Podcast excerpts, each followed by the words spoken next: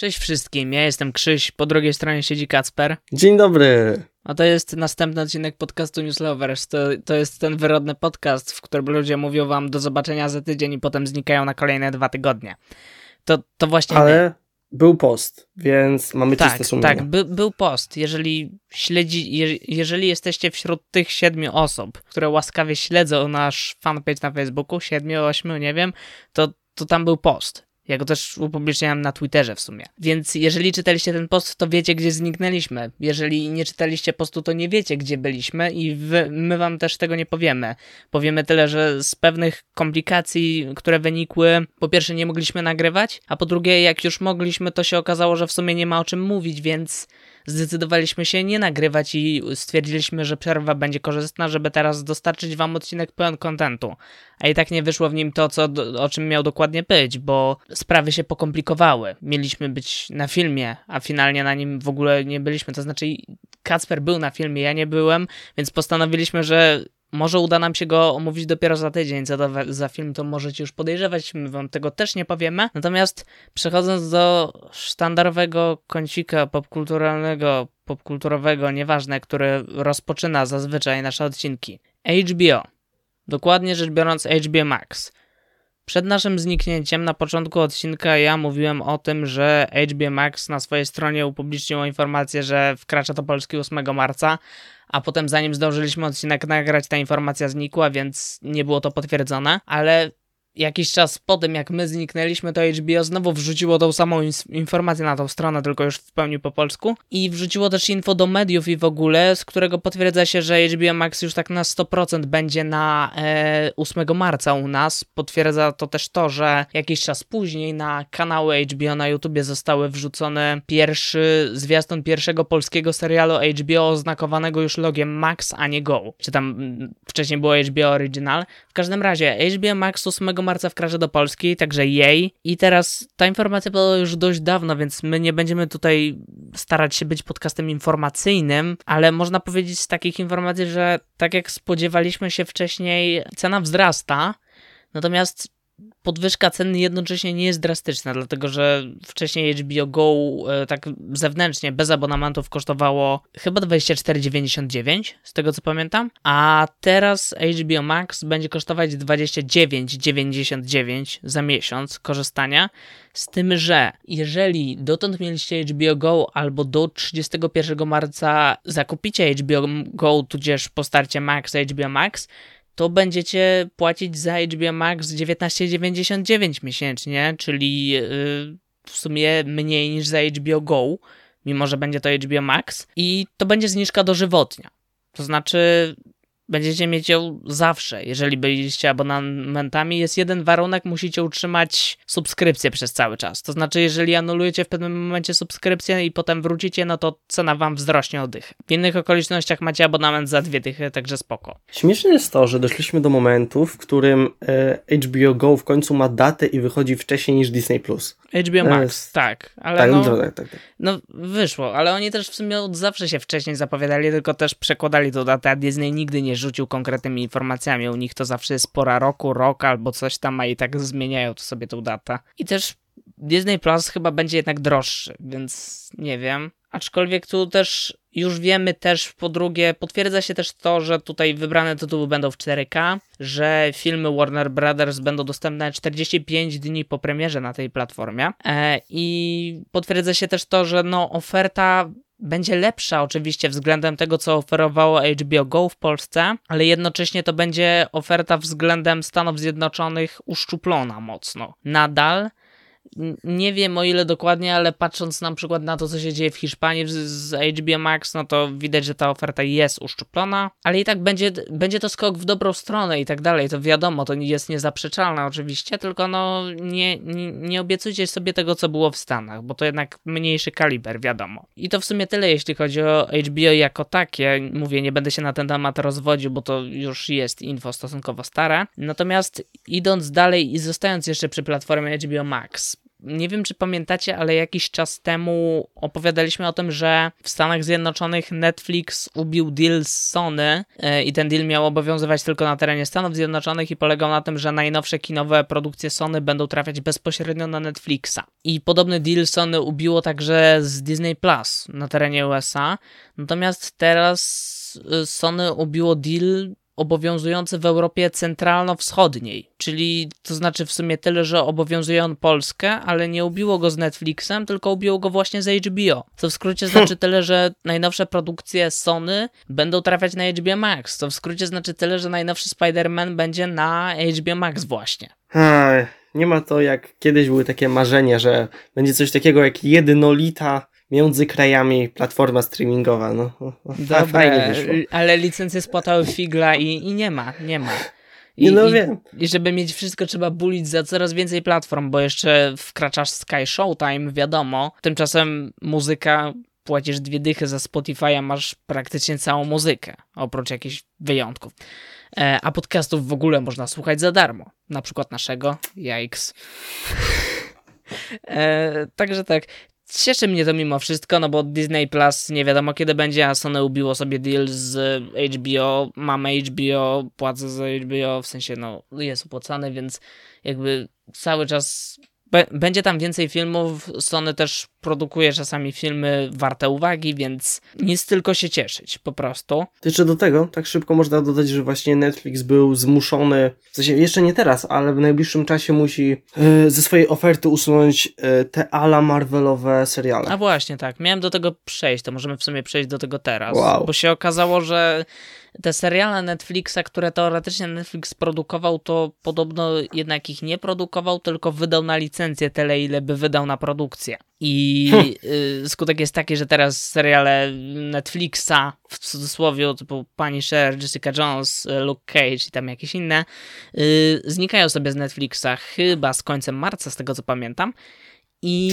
Nie jest to jeszcze w 100% potwierdzone, ale możliwe, że trafią one na Disney Plus. Myślę, że jest to mimo wszystko całkiem prawdopodobne, ale nie potwierdzam, bo potwierdzenia nie było. Natomiast no to tutaj w tym przypadku jednak będą te tytuły bardziej spójnie można by powiedzieć, ale też no. Przechodząc dalej i zostając przy platformach streamingowych, wspomniałem przed chwilą dosłownie o Sky Showtime, czyli tej platformie, która ma łączyć w sobie m.in. produkcję NBS, Paramountu i tak dalej. I ma ona być w Europie tak samo jak w USA mamy Peacocka na treści NBC i mamy Paramount Plus na treści Paramountu, to w innymi Polsce i innych krajach Europy będzie to platforma jakby skumulowana w jedną w formie Sky Showtime. I ta platforma ujawniło nam się o niej kilka rzeczy a propos tego, że Viacom, do którego między innymi należy ta platforma Viacom CBS, miał swój jakby to był chyba event dla inwestorów, czy coś takiego, już nie pamiętam.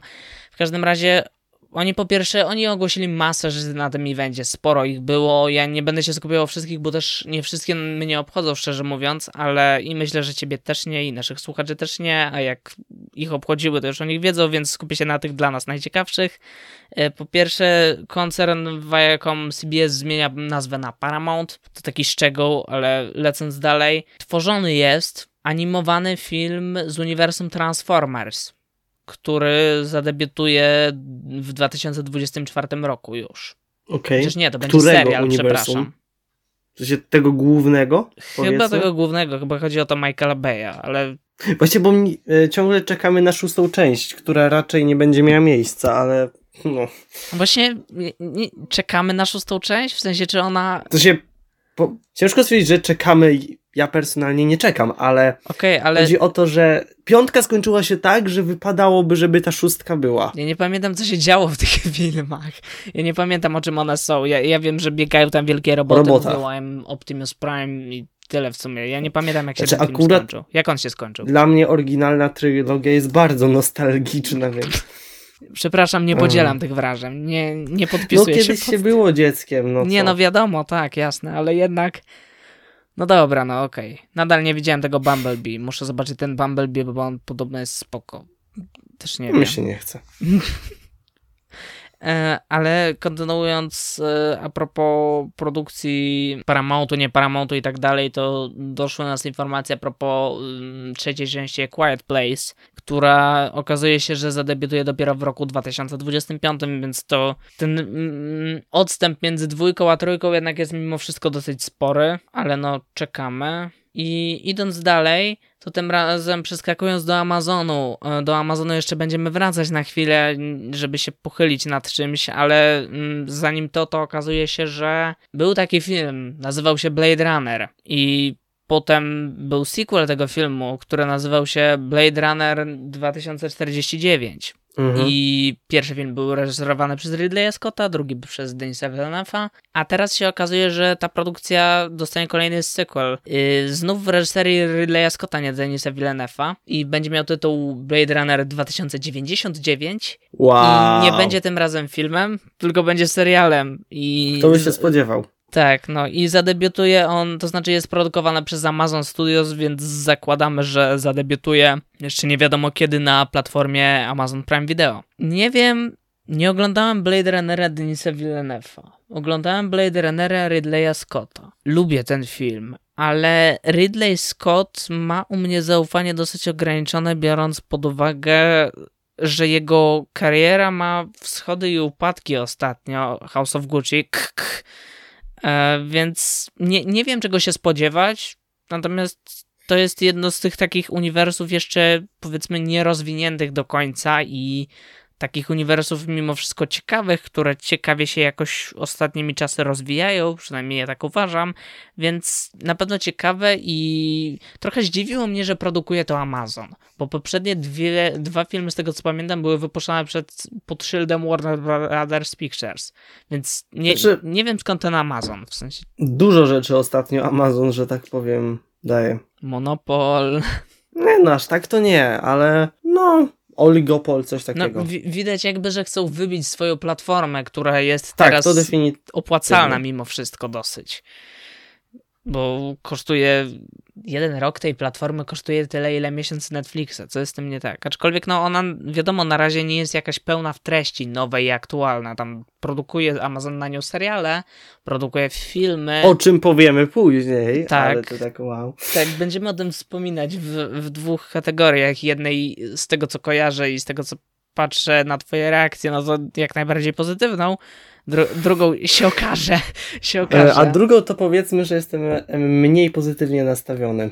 Mhm. Delikatnie rzecz mówiąc. No kurde, to złe będzie, no zły będzie ten Władca Pierścieni. Wrócimy do tego, foreshadowing, no. e, czyli już klasyk w, ty w tym podcaście. Natomiast teraz takie osobiste info do im, ode mnie. Nie oglądałem Stranger Things, nie oglądam Stranger Things, w najbliższej przyszłości nie będę raczej oglądał Stranger Things. Netflix zapowiada czwarty sezon Stranger Things i zapowiada też, że piąty kolejny sezon tego serialu będzie jego ostatnim. To nie jest w żaden sposób ciekawe, można było się tego spodziewać. Ciekawe jest to, że ostatni sezon Netflixa jest y, zapowiedziany w dwóch częściach, to znaczy ten sezon wyjdą wszystkie odcinki naraz, ale podzielone na dwie części i nie pamiętam tych dat premiery, tych części, tych sezonów, ale od, odstęp między tymi dwoma częściami będzie mniej więcej taki, ile odstęp pomiędzy pierwszym a ostatnim odcinkiem sztandarowego serialu od HBO czy Disney Plus, który wychodzi co tydzień. E, odcinki w sensie, którego wychodzą co tydzień.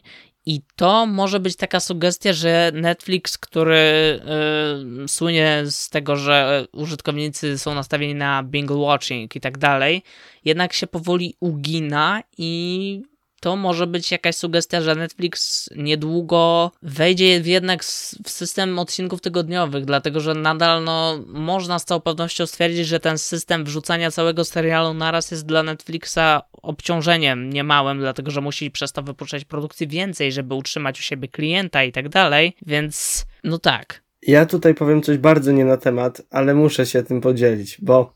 Spontaniczny, dygresyjny podcast. Lecimy. Lecimy. Dokładnie. Nie ma przebacz. Będę miał mm, problem z ustawieniem znaczników w spisie treści, ale mniejsza, dawaj. Spokojnie. Nie, bo e, jak już mówiliśmy o tych Transformersach, to chciałem bardzo e, sprawdzić, e, jak e, polska widownia się wypowiada na ten temat. I e, pierwsza część ma na Filmwebie coś około 6. Tak, wlazłeś na Filmweba. No sumie... Tak, dokładnie. I pomyślałem, że no dobra, no to jak na e, ten gatunek filmu nie ma dramatu. Potem mamy drugą i trzecią, około pięciu. I tak myślę, no okej, okay. jest czwarta. I czwarta ma ocenę 2,1. No więc jakby... Zastanawiam że... się, kiedy ostatnio widziałem film na Filmwebie z oceną no, dwa coś. Właśnie. Artemis Fowl? Nie wiem, on, on chyba miał nawet więcej, nie wiem. Ale okej, okay, dobra. Ale wiesz, jak na, nawet jak ludzie na Filmwebie twierdzą, że to syf, to to... Okej, okay, dobra, to nie jest żaden wyznacznik, ale jednak to jest syf, okej. Okay.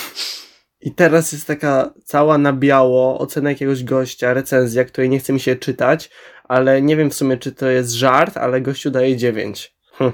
Nikt, Ludzie absolutnie nic, gość na Filmwebie. Tak, więc taka bardzo pozytywna dygresja. Okej. Okay. Aż mi się humor poprawił. Ja nie wiem, wiesz, zrobiłem sobie te newsy, nie, porobiłem screeny, wszystko mam, tych artykułów, wszystkiego innego i zastanawiałem się, czy może uda mi się chociaż to posegregować tak, że nie wiem, będę szedł markami czy coś, nie? Yy, okazuje się, mm. że w ogóle mi, mi nie wychodzi. Więc y, teraz znowu wracając do Disneya, który mm, jakiś czas temu było wiadomo, że tworzy on spin-off, y, prequel, cokolwiek, nie wiem jak nazywać twory Disneya, mm, musicalowy serial o postaciach Gastona i LeFou z Pięknej Bestii, Beauty and the Beast i to miało wychodzić na Disney+, Plus, natomiast teraz yy, okazało się, że produkcja jest zawieszona i nie wiadomo kiedy i czy w ogóle ujrzy światło dzienne. Podobno częściowo dlatego, że program, jakby harmonogramy Josha Gada i Luka Evansa ze sobą kolidują jakoś i tak dalej, ale nie, nie wiem, czy nie chodzi tam o coś jeszcze, nie wiem. Y, Disney ma chyba jakiś obecnie problem z tymi remake'ami, w sensie na pewno go ma, bo spadek ich jakości jest ogromny z każdym rokiem, ale no tak. Jeszcze, jeszcze widziałem info o tym, że ta mała serenka jest jakoś zaplanowana na, nie wiem, maj 2023, coś takiego. W ten film już też kompletnie nie wierzę nie wiem. Nie wiem, po co ktokolwiek to jeszcze produkuje, ale... Jesteśmy takim optymistycznym podcastem. Tak, to jest bardzo optymistyczny podcast. Y, mam, mam bardzo optymistyczne nastawienie, jeżeli już jesteśmy przy Disneyu, do produkcji, którą właśnie zapowiedział, to znaczy wyszedł plakat, który wszystkim kojarzy się z Duną, jest to plakat do Obi-Wana Kenobiego, y, z informacją o tym, że ten serial wyjdzie na Disney Plus 25 maja, to znaczy pierwszy odcinek, czy tam pierwsze dwa odcinki. Nie oglądałem w końcu Księgi Boba Fetta, ale słyszałem spoilery do Księgi Boba Fetta i w ogóle yy, co się odrabia w kolejnych odcinkach Księgi Boba Fetta to jest syf, absolutny syf. Ja nie oglądając tego serialu mogę już z całą pewnością stwierdzić, że jest to syf. Widziałem zajawki z Luke'em Skywalkerem, który się tam pojawia. Przepraszam wszystkim, którym zaspoilerowałem Księgę Boba Fetta. Ja też nie oglądałem tego serialu. Tak jak mówię, ale kurczę blade Disney po prostu kupił wszystkie marki, jakie były popularne w danym okresie, a teraz je wyniszcza spektakularnie, ale jednak to robi z każdym kolejnym rokiem. Na... Ale żeby cię pocieszyć, nie robi tego tak umiejętnie, jak osoby odpowiedzialne za Transformersy, ponieważ na dodatek dowiedziałem się, że to dzieło kinematografii ma budżet większy o 30 milionów dolarów od Tora Ragnaroka. No, Michael Bay. Znęcamy się nad Transformersami. Ale ja miałem pomysł jeszcze kiedyś, że kiedy będziemy mieć więcej czasu, to może zrobimy sobie w podcaście takie serie, że będziemy omawiać sobie, robić odcinki, będziemy oglądać stare jakieś serie filmowe uniwersa i omawiać je w podcastach. Jak kiedyś... Możemy Harry'ego Pottera jechać. Mo możemy w ten sposób omówić Harry'ego Pottera i wyjaśnić, dlaczego więzień Azkabanu, Azkabanu jest najlepszy. Jest. Kurwa, Krzysztof, zaraz się pokłócimy. wrócimy do tego, ale możemy też zrobić odcinek, w którym będziemy mówić o Transformersach, tylko musimy te Transformersy obejrzeć, a na razie się na to nie zanosi.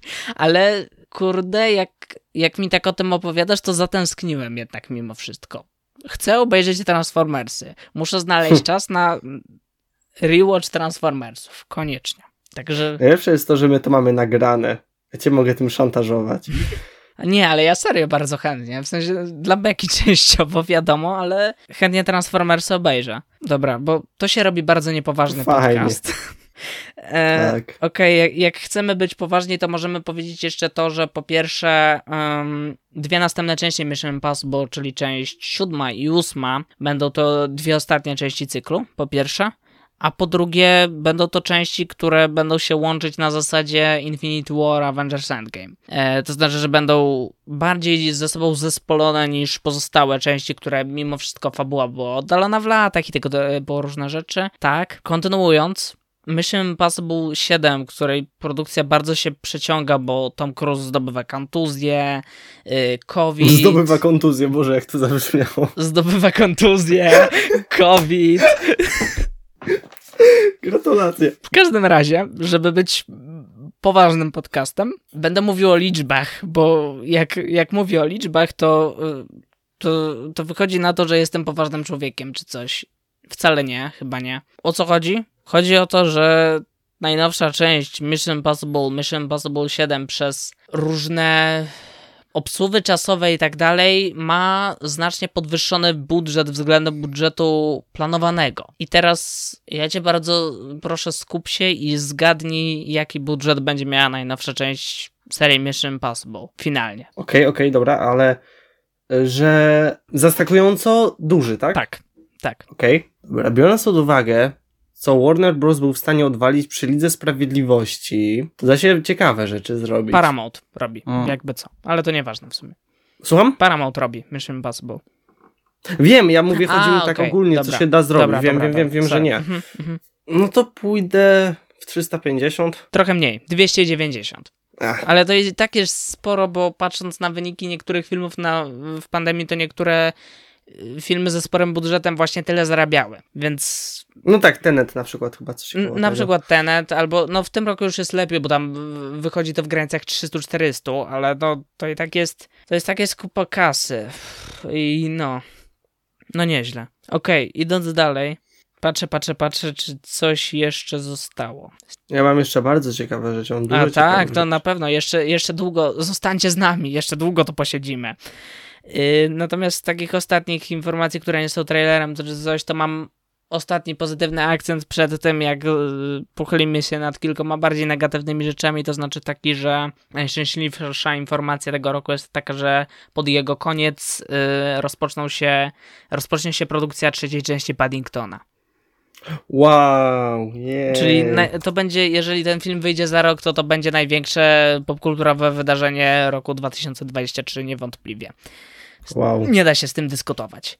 Smuci... Nie wiedziałem, że potrzebuję tej informacji, ale jej potrzebowałem. Smuci mnie, że reżyser nie, nie, nie wraca na stanowisko, ale podobno nadal Paul King w sensie ma być nadal w ekipie, więc jeżeli będzie nadal czuwany nad tym projektem, to dla mnie spoko.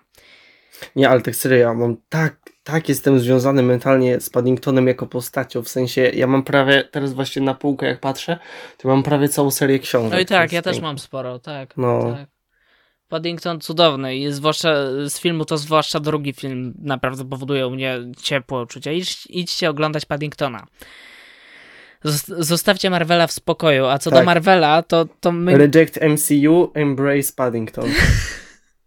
to co do Marvela, to wy zostawcie Marvela w spokoju i idźcie oglądać Paddingtona, natomiast my teraz pochylimy się nad Marvelem, dlatego że tydzień temu mniej więcej, mylą mi się daty, nieważne, był Super Bowl, a jak wiadomo Super Bowl, no to um, wielkie studia filmowe płacą grubą kasę, żeby wyświetlić 30-sekundowe klipy reklamowe w przerwie na reklamy w Super Bowl, ponieważ mnie Super Bowl nie obchodzi, no to obchodzą mnie tylko te reklamy. I co do tych reklam, to w okolicach Super Bowl e, Marvel wypuścił zwiastun, drugi zwiastun już, e, a właściwie pierwszy, bo pierwszy zwiastun był sceną po napisach w pewnym filmie poniekąd. Natomiast, dobra, Marvel wypuścił drugi trailer Doctor Strange Multiverse of Madness, czyli chciałoby się powiedzieć Doctor Strange w wieloświecie szaleństwa, ale okazuje się, że nie, bo Doctor Strange w multiversum obłędu. Jestem ciekawy, ile jeszcze do maja zmieniał ten tytuł razy. Mogą sporo. Przechodząc do samego trailera. Jak, jak wrażenia? Jak obe obejrzałeś ten trailer, to jak wrażenia? Mm, pomijając, że jest dramatycznie chaotyczny, mhm. to jest też po prostu dramatyczny. Zgadza się, w istocie. To znaczy, co do warstwy wizualnej, na pewno nie mam takiej tragedii wzrokowej, jak miałem przy Spider-Manie No Way Home, gdzie widziałem, że efekty są do kitu. Tutaj... Choć jedna scena strasznie podejrzanie wygląda, jak takie drzwi otwiera. Tak, I tak, tak, To zgadzam tak, się. tak jakoś nie wiem. Tak Ale gra. jeszcze jest ta scena, jak już idziemy po konkretach, to jest ta scena, scena pod sam koniec, jak on przelatuje przez różne wszechświaty z kimś tam, to była jakaś tam postać i jakby twarz mu się robi Minecraftowa, nie wiem jak to nazwać i tam, tak, to jakby są sceny, które wyglądają wizualnie, nie, nie mogę powiedzieć, że dobrze, bardzo dobrze, ale wyglądają ciekawie po prostu. Tutaj zwracam uwagę zwłaszcza na pierwszą scenę, albo te sceny, które się przewijają przez cały zwiastun i podejrzewam, że dotyczą tej jednej sceny, gdzie mamy rozpadający się Nowy Jork. One wizualnie wyglądają ciekawie. Są sceny, które wyglądają ok, standardowe efekty w najnowszych filmach MCU. Natomiast są sceny, które znowu wyglądają okropnie. Bo nie trzymają się kupy pod względem tego, jak wyglądają wizualnie. Są brzydkie wręcz, można by powiedzieć. Natomiast jak się to całościowo ogląda wizualnie, nie ma tragedii. Natomiast dodając do tego te plansze, wiesz, które się pojawiają, że y, directed by Sam Raimi i tak dalej, to jest chyba trzeci albo drugi film MCU, który jest reklamowany logiem reżysera w ogóle. Natomiast w połączeniu z tymi planszami i z planszą tytułową, która z kolei to jest kolejna rzecz, którą zmieniają po raz kolejny, że design tytułu względem w sensie tej planszy tytułowej względem poprzednich zwiastunów, tego poprzedniego pierwszego i tej, tam chyba była jeszcze jakaś zajawka, jest zmieniony znowu. I to wszystko mi się kojarzy z doktorem Hu nieodparcie. I, I też niektóre efekty na to wskazują, że to jest wczesny doktor Hu, w sensie- ten z początku lat 2000. Natomiast jest to strasznie przepakowane. To znaczy tam Mhm. jest dosłownie masa już pokazanych tych cameo. Mamy, mamy Strange'a, mamy Wandę. Pomijając ich, to mamy tą jakąś dziewczynę, ja nie pamiętam imion tych postaci. Będę leciał tak. y, starał się je opisać w jakiś tam sposób. Mamy. Jakaś dziewczyna, tak, polecam. mamy kogoś, kto może być Captain Marvel, jakąś wersją tej postaci, albo równie dobrze Właśnie może być to Monika Rambo. Ciężko stwierdzić, nie? Y, W przypadku większości mamy także ciężko stwierdzić, bo to są migające na dosłownie czasami pół sekundy obrazy i y, no tak, żebyśmy takie standardowe wrzucenie wszystkiego, żeby to y, nie żebyśmy mogli to, to będzie ktoś tam. Jedno jest pewne, że w jednej ze scen słyszymy głos Patricka Stewarda i potem jest też potwierdzone info, że tam będzie Patrick Stewart faktycznie. I nie wiem, czy będzie tym Patrickiem Stewardem z X-Menów, czy będzie Patrickiem Stewardem grającą wersję postaci z X-Menów, ale wersję z innego wszechświata, czy będzie to Patrick Stewart grający w MCU zupełnie nową postać. Nie mam pojęcia. Hm. I tak samo jednocześnie jakby to ma jakiś taki klimat ciekawy. W sensie w jakiś tam sposób to jednak zaciekawia mimo wszystko, przyznaję. Jest brzydkie miejscami bardzo, ale zaciekawia mnie w jakiś sposób, tylko że jednocześnie ja nie mam już kredytu zaufania. Ja cały czas obawiam się tego, że dopakują nam tam postać za postacią, wiesz, ludka za ludkiem. Szczególnie, że jest to pierwszy serial, w którym już tak dosłownie, no musisz obejrzeć seriale. A my nadal No, nie mamy Disney Plusa. Tak, to jest kolejny problem, że się okazuje, żeby ogarniać fabułę tego filmu, prawdopodobnie będzie trzeba znać fabułę filmów, które były nakręcone może i 20 lat wcześniej. Skoro mamy Patricka Stewarda, no to nie wiem, może nagle trzeba będzie ogarniać X-Menów, żeby wejść w MCU do tego filmu? To jest prawdopodobne i oni się tak zapętlają. My, jak był początek wypuszczenia tych seriali przed ich wypuszczeniem, to my się tego właśnie obawialiśmy, że coraz więcej trzeba ogarniać, żeby wejść w ogóle w MCU i coraz więcej trzeba produkcji ogarniać na bieżąco, żeby ogarniać inne produkcje i tak dalej. I że niektórzy nie będą mieli żadnej sposobności, żeby to wszystko ogarnąć. I to, to właśnie jest spełnieniem tych obaw. Dokładnie tym jest, bo nie sposób. I te wiesz, ten plakat, co ci wysłałem i o którym już ci mówiłem przed nagraniem, y, taka postać, taka postać, tu nawiązanie do tego, siego, siego. Ten koncept, że jest Strange, że jest Wanda, to jest ciekawe. To ma potencjał. I nawet jeżeli mamy wątek multiversum, który pomijając, że się kupy nie trzyma, to jest w jakiś sposób ciekawe. Z tego da się zrobić ciekawą fabułę. Ale wygląda na to, że oni zamiast tego wpakują cameo takiej postaci, cameo takiej postaci, cameo takiej postaci, A cameo takiej. naprawdę szkoda, bo to miało taki potencjał. Pierwszy film w MCU z elementami horroru. Mhm. No właśnie ja tam to nie widzę tego. Nie, ale też bardzo mnie ciekawi, bo był zmieniony reżyser. To teraz Mhm. e, ciekawe, czy gdyby był poprzedni, to by było lepiej? czy jeszcze właśnie gorzej? nie pamiętam za co go zwolnili, czy właśnie za to, że za mroczne, że co, coś tam, jakaś była afera z tym związana, nie pamiętam właśnie. No właśnie ja też Ale nie, wpakowali Sama Raimiego, twórcę trylogii Spider-Manów tej pierwszej, tylko że Raimi jest twórcą, który od 10 lat chyba nie zrobił żadnego filmu. Nie wiem, czy ostatnim filmem, jakiego nie zrobił, to był Oz Wielki i Potężny, był taki film. Tak, był taki film. Był taki film, a potem nie wiem, czy on cokolwiek zrobił, chyba właśnie nie. I on jest mimo wszystko twórcą, no, on ma jakiś tam charakterystyczny swój własny styl. Tu też to widać. Tam w Spider-Manach mieliśmy, wiesz, te kadry, że mamy zbliżenie, nie wiem, na postać doktora Octopusa na okulary i nam się przenika, że obraz, który wcześniej widzieliśmy, to jest obraz widziany, odbijający się w jego soczewce od okularów, czy coś tam, a tutaj mamy tą, tę, tą scenę z Wandą, która stoi jakoś, nie wiem, rozpadające się coś, czy coś, czy, ale mamy takie przejście w jej oczodu. To jest tak. jeden z takich bardziej charakterystycznych elementów stylu Raimiego. Może to będzie jakoś wyglądać, może to będzie, nada on temu wszystkiego jakaś oryginalna oryginalność, ale nadal jest to reżyser, który był zamrożony od dłuższego czasu i ja nie wiem, kurczę, czy to jest dobry wybór na do tego filmu, żeby go reżyserował typ, który był zamrożony od tylu lat. Plus nie ufam kompletnie, no bo ten potencjał, o którym mówiłeś, to nadal niby jest, ale ja w niego nie wierzę, bo mamy dopakowane te nie wiadomo ile postaci i jeżeli każdy następny film MCU ma tak wyglądać, no to ja podziękuję szczerze mówiąc, bo jest to po prostu męczące, przerażające i ten fanserwis, który będzie się wylewał drzwiami i oknami jest po prostu męczeniem po prostu, strasznym. Ja. No jedyne właśnie nadzieja w takich mniejszych produkcjach, oryginalniejszych, jak Moon Knight. No mhm. zobaczymy, jak to wyjdzie. Tak. I tej Bo też był mini teaserek, tak jak, jak, jak już o tym mówimy, i był spoko teaserkiem. I też chyba się dowiedzieliśmy, że e, jego rating to będzie 14. Tak, tak, tak. tak. Więc mhm. najbardziej brutalny ma być podobno, więc mhm. no może być spoko. Jeszcze się mieści, ale tam, tak, ten klip, co powiedziałeś, to tam tam jest to świetne ujęcie, że on w formie tego owiniętego płaszczem półksiężyca yy, wzlatuje nad tymi yy, gliniarzami, czy ktokolwiek to tam jest w tym klipie. To tak dobrze mimo wszystko wygląda. To naprawdę dobrze wszystko wygląda. Tam tak. można się przyczepić. Tam kostium, tak. Tak, tak, tak no. że to nie, nie, te efekty wiadomo, ale to, ale to i tak dobrze wygląda. A tutaj mamy taki, w tym Doktor, Doktorze Strange mamy teraz taki wysyp po prostu takiego kompletnego chaosu. Y, ja nie wiem, szczerze mówiąc. Boję się cały czas. Plus też y, patrząc na to, co możemy wywnioskować o jakiejkolwiek fabule z dialogów, jakie tam są prowadzone i też monologu Strange'a i tak dalej.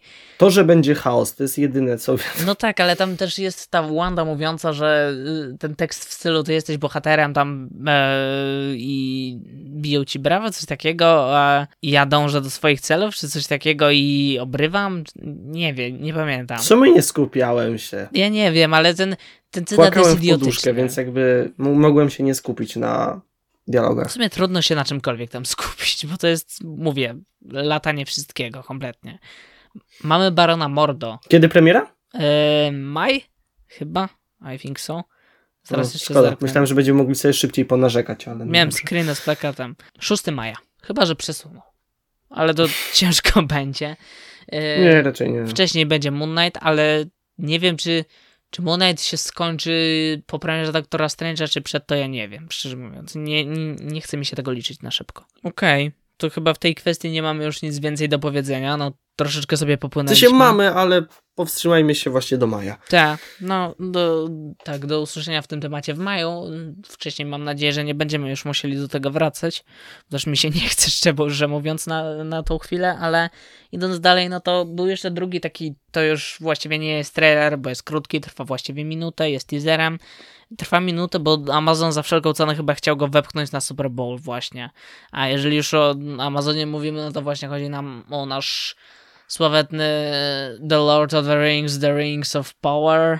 No i też nie jest dobrze, no. W sensie, ja się, ja nie czytałem Silmarilliona, oglądałem Władcę Pierścieni, oglądałem Hobbita, czytałem Hobbita, czytałem Władcę Pierścieni, nie znam się na Tolkienie tak bardzo, dawno czytałem tego Władcę Pierścieni stosunkowo, więc pozwól, że się najpierw wypowiem jako prawie że laik, ale nie do końca. Patrzę na to i pod względem wizualnym, efektów jakichkolwiek i tak dalej, czasami mam wrażenie, że to jest zbyt przekomputeryzowane na modłę Dokładnie. Hobbita. Natomiast mimo to, to miejscami wygląda naprawdę ciekawie i dobrze. Naprawdę mogę przyznać, że wizualnie widać, że tu ta kasa została wyłożona i jasne, jest to miejscami zbyt skomputeryzowane i to widać, ale innymi miejscami wygląda to całkiem dobrze, ciekawie i wygląda na coś naprawdę ciekawego, ale mimo to wszystko ja nie czuję tam vibe'u Władcy Pierścieni za cholerę. Nie wiem, czy... Nie no, bardziej to wygląda właśnie według mnie, że uznali, że hmm, ludziom podobał się Hobbit, co, co jest dyskusyjne, ale oni tak uznali, więc dali więcej Hobbita do Hobbita. To się chodzi Choć film, mimo wszystko ja jeszcze nadal w Hobbicie czułem ten vibe Władcy Pierścieni, a tu go nie czuję kompletnie. E, Nie, no tak. Ja nie wiem, czy może tu mi przeszkadza też trochę muzyka, że to nie jest ten klasyczny vibe z Lotra, no bo nie mógł być, rzecz jasna, Hm. ale to jest kompletnie inna jakaś muzyka i może to też mi trochę przeszkadza. A przechodząc dalej, cały internet ma jakąś straszną teraz nagonkę znowuż na to, że tu jest aktor, czy tam aktorka o ciemniejszej karnacji i tak dalej. To jest nudne. To jest nudne, dlatego że jakby domyślam się i pewnie i do tego postaram się zaraz teraz przejść, bo myślę, że ty masz na ten temat coś więcej do powiedzenia jako osoba, która czyta Silmarilliona, jest mikroekspertem, że tak się wyrażę, jeżeli można to w ogóle tak nazywać. Eee, I osoby twojego pokroju albo osoby, które jeszcze 100 razy bardziej są wsiąknięte w Tolkiena jako uniwersum, jako świat, który tworzą i tak dalej, wychwytują z tego nawiązań pewnie do Władcy Pierścieni o wiele więcej niż my tutaj i też mogą się przyczepić do rzeczy, do bardzo, bardzo wielu rzeczy pod względem tego, jak to wygląda tak na pierwszy rzut oka i tego, że ten serial jakoś niszczy, czy tam przemienia po prostu to, co Tolkien wykreował w swoim uniwersum i to, co wykreowały, nie wiem, filmy Jacksona, powiedzmy. A zamiast tego, że mam widok w internecie fanów Tolkiena, którzy przyczepiają się o masę rzeczy, że tu jest niezgodność z fabułą, tu problem, bo y, to niszczy zasadę uniwersum i tak dalej, to mam masę osób, które czepiają się, że aktor ma ciemniejszą karnację. I to jest już tak nudne, bo to się pojawia za każdym razem, kiedy w filmie Fantazę widzimy aktora z ciemniejszą karnacją. Dosłownie. Czy tam serialu. A to tu chodzi już do kuriozalnej sytuacji, gdzie na Twitterze pojawiają się wpisy typu Władcy Pierścieni dzieje się w Europie Północnej. Mój faworyt zresztą. Tak, to jest piękne. To jest takie. Dokład, dok, Tak, dokład, plus, dokładnie. że według Tolkiena, co po niektóre postaci, które tutaj są czarnoskóre, historycznie były białe, co, jak, gdzie, kiedy. Przypomniał mi się taki piękny komentarz. O, e, kiedyś, jak właśnie oglądałem jakiś film, e, właśnie dotyczący twórczości Tolkiena. Nie pamiętam dokładnie o czym na YouTubie, ale ważne jest to, że był komentarz, mini wypracowanie o tym, jak Tolkien odkrył tajemną bibliotekę w Oksfordzie i że wszystkie książki są oparte na faktach. I, i, że, poszcz- I że poszczególne, e, no, odmiany e, Homo sapiens są związane z różnymi e, no, gatunkami fantastycznymi. Że Słowianie są związani z elfami, a Irlandczycy są związani z krasnoludami. Nie no, jasne, nie mam pytań. Intrygująca Dokładnie. teoria. Bardzo duże na mnie wrażenie ten komentarz wywarł. Nie, rozprawki w internecie to jest generalnie najlepsze, co można znaleźć, ale w tym przypadku nawet tutaj pod e, samym teaserem e, na kanale Amazona na YouTube pojawiło się bardzo dużo komentarzy tuż koło siebie z jakimś cytatem z samego Tolkiena, w sensie Mhm. wypowiedzi Tolkiena. Dokładnie. Już nie pamiętam jaka to była wypowiedź. Ja ją mogę teraz zaparafrazować, No. e, bo nie pamiętam dokładnie, które ci słowo słowo, ale Okej. tu chodzi o to, że zło nie może niczego stworzyć, potrafi jedynie e, korum, korumpować to, co zostało stworzone przez dobro. Tak bardzo luźno. Okej, dobra, o to chodziło. Tak, o tak, o to chodziło. Ideologizacja literatury to jest, to jest to, czego teraz potrzebujemy. Natomiast ty, jako osoba, która przeczytała z tego Tolkiena jednak więcej ode mnie, więc ma też siłą rzeczy troszeczkę większy zasób wiedzy. Dzień dobry. Goszczę w dzisiejszym podcaście eksperta. Co tam nie gra? Znaczy mówię, Tak naprawdę, oprócz fabułę, koloru to- skóry i tak dalej, które Tak, wiem, wiadomo, wiem. że no, elfy nie mogą być czarne, bo nie, bo nie, bo absolutnie nie, to pomijając to. Oczywiście pewne nieścisłości będą, bo też jest różnica między luźną adaptacją a ekranizacją, to też trzeba rozdzielać. No i zawsze e, filmowa wersja się różni od Pierwowzoru. e, literackiego pierwowzoru, no właśnie. E, nawet w, bardzo dobra adaptacja, jaką jest oryginalna trylogia Władcy Pierścieni, różni się po prostu, e, więc co do tego się nie ma przyczepiać. Problemem według mnie największym jest to, że idzie to w stronę takiego bardzo współczesnego fantazy, a mianowicie trochę no, w lżejszą, no bo rating, ale trochę taką grę o tron. W sensie, wiesz o co mi chodzi? Takie czysto stereotypowe tak, tak, to też zauważyłem. To, jak to oglądałem, że zamiast vibe'u Tolkiena ja tu wyczuwam takie fantazy bardzo generyczne, można by powiedzieć. Tak. Strasznie jakby. E, plus też jakby to nie wyklu- to, że nie czuć te- tego tolkienowskiego vibe'u i to oglądając to nie będę miał wrażenia, że to serial z uniwersum Władcy Pierścieni nie oznacza z marszu, że to będzie coś złego. Natomiast ja szczerze mówiąc chciałem dostać serial z uniwersum Władcy Pierścieni i to nie zmienia faktu, że to może być dobre, ale to może nie być serial z uniwersum Władcy Pierścieni, mimo że takowym logiem się sygnuje. To znaczy, to jest ten sam problem, e, co był, dobra, był, jest e, z Narnią. Też mocno by się trzeba było postarać, żeby zrobić e, dobrą adaptację, adaptację Narni. I teraz mówisz o tych dalszych częściach. Mhm, tak. Tu właśnie ciekawe a propos tego, bo Netflix od jakiegoś czasu ma prawo do opowieści z Narni, więc może coś z tym będzie nie. robił. Nie. Jednocześnie materiał na serial jest lepszy niż na film tutaj w tym przypadku, ale no, no nie, nie rozwalajcie Narni jeszcze bardziej, bo da się, da się jeszcze się bardziej to rozwalić. Da się, oczywiście, że się da. W sumie wszystko się da jeszcze bardziej rozwalić. Już, no dobra, ekranizacji Artemisa Fowla jeszcze bardziej się nie da, ale yy, pomijając ten, ten koszmarek. I ja też, bo tutaj zastanawiałem się, z czego to wynika i do, doszedłem do informacji takich między innymi, że Amazon nie wykupił wszystkich praw do Tolkiena.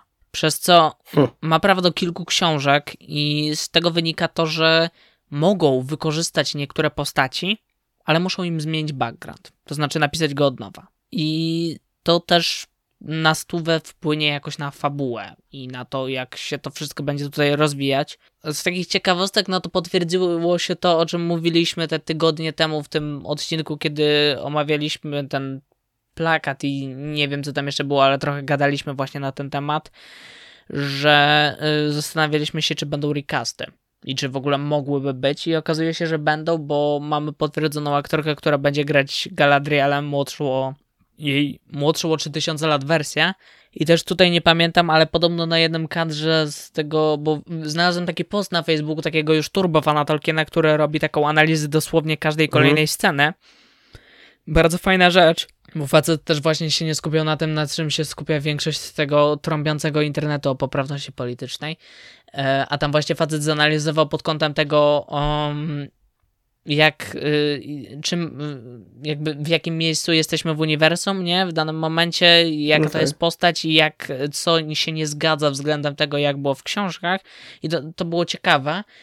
Y, natomiast facet wykrył, że w jednej scenie podobno jest młodsza wersja też Elronda i też grana przez jakiegoś aktora, którego tam nazwisko wypisał, ale nie pomnę, bo zapomniałem, a nie zrobiłem zrzutów, spróbuję to w sumie potem jeszcze odszukać. No ale wiadomo, że recasty będą. No, wow. I no, aktorka grająca Galadrielę tutaj w roli tej Galadrieli w tej zapowiedzi krótkiej stosunkowo, gdzie też mamy taką chaotyczną migawkę w sumie, się pojawia na kilku scenach i no trudno mówić tutaj o jakiejkolwiek ocenie ponownie, no bo to jest kilka scenek, kadrów właściwie, można by powiedzieć, ale tak jak patrzę, no to pasuje mi na tą Galadrielę. Znaczy jeszcze podchodząc do e, całości tak bardziej ogólnie to, no bo było tak, że właśnie oryginalne filmy były na tyle dobrze było przekonwertowana wersja literacka na film. Choć mimo wszystko I, Jackson zmienił też stosunkowo wiele względem książek. Tak, i właśnie chodzi mi, że zmienił na tyle, że bardziej się to powiedzmy wpisało w takie standardowe fantazy, slash więcej scen walki i tak dalej, no bo no, mhm. odbiorca, i y, przez to właśnie na tyle się zwiększyła fanbaza i potem miał miejsce Hobbit, że no dlatego to poszło w tą stronę, że po prostu tworzył już taki typowy y, blockbuster, tylko że sygnowany Władcą Pierścieni i nie zostało już za dużo z klimatu oryginału. Chodzi mi o to, że gdyby yy, ilość odbiorców była mniejsza, ilo, fanbaza, w sensie wersji kinowej, albo, albo i kinowej i książkowej, to bez znaczenia, to po prostu byłaby większa szansa na, co, na to, żebyśmy dostali dużo wierniejszą i powiedziałbym, no bardziej styno, e, kino w stylu artystycznym. Choć mimo wszystko wtedy też szansa na to, że taka adaptacja by jakakolwiek tak, powstała, by tak, była wiem. mniejsza, plus też no fantazy pochłania kupę kasy, tutaj Amazon na y, ileś tam sezonów tego serialu wydał ogromny budżet wręcz i nie wiem, miliard czy dwa miliardy, nie, nie pamiętam. E, w każdym razie y, no, no sporo kasy, wiadomo, że produkcja, tak jak się wyraziłeś, wydźwięku bardziej artystycznym, no by tego nie dostała. Jestem ciekawy w sumie, co by było, gdyby za takie coś, czym jest ten serial teraz, nadal w formie, seri w formie serialowej, ale wziąłby się Jackson. Jestem ciekawy, co by z tego wynikło, bo Jackson właściwie od Hobbita tkwi trochę w zamrożeniu, w sensie realizuje, ostatnią jego produkcją jest trzyczęściowy dokument o Beatlesach dostępny na Disney+. Plus. A też wiadomo, że patrząc po Hobbita, no to też wizja Jacksona się zmieniła, trochę się chłopak zachłysnął całym CGI-em i tak dalej, wiadomo. Mniej poszli w stronę naturalności jako takiej. Dużo, wiem, że sporo tego Władcy Pierścieni teraz od Amazona jest jednak kręcone w plenerze i to też mimo wszystko po, pomimo częściowego skomputeryzowania tego teasera, no widać.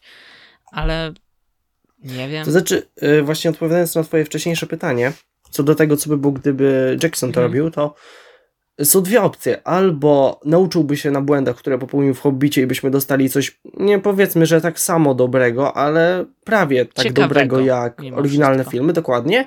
Albo poszedłby jeszcze gorzej i no po prostu, no, byłby to wykres taki, taki, no tak, tak spadkowy. W ogóle mi się teraz przypomniało, że był taki moment, kiedy Hobbita miał reżyserować Guillermo del Toro, o którym hmm. rozmawialiśmy w poprzednim odcinku.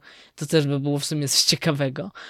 A hmm. Z drugiej strony, kurde, są takie ciekawe projekty, które są reżyser, mia, mają być reżyserowane przez jakichś twórców, ale y, potem okazuje się, że albo przejmuje inny twórca, albo w ogóle całe projekty są kancelowane. Na przykład y, Pixar czy tam Disney miał robić film o coś.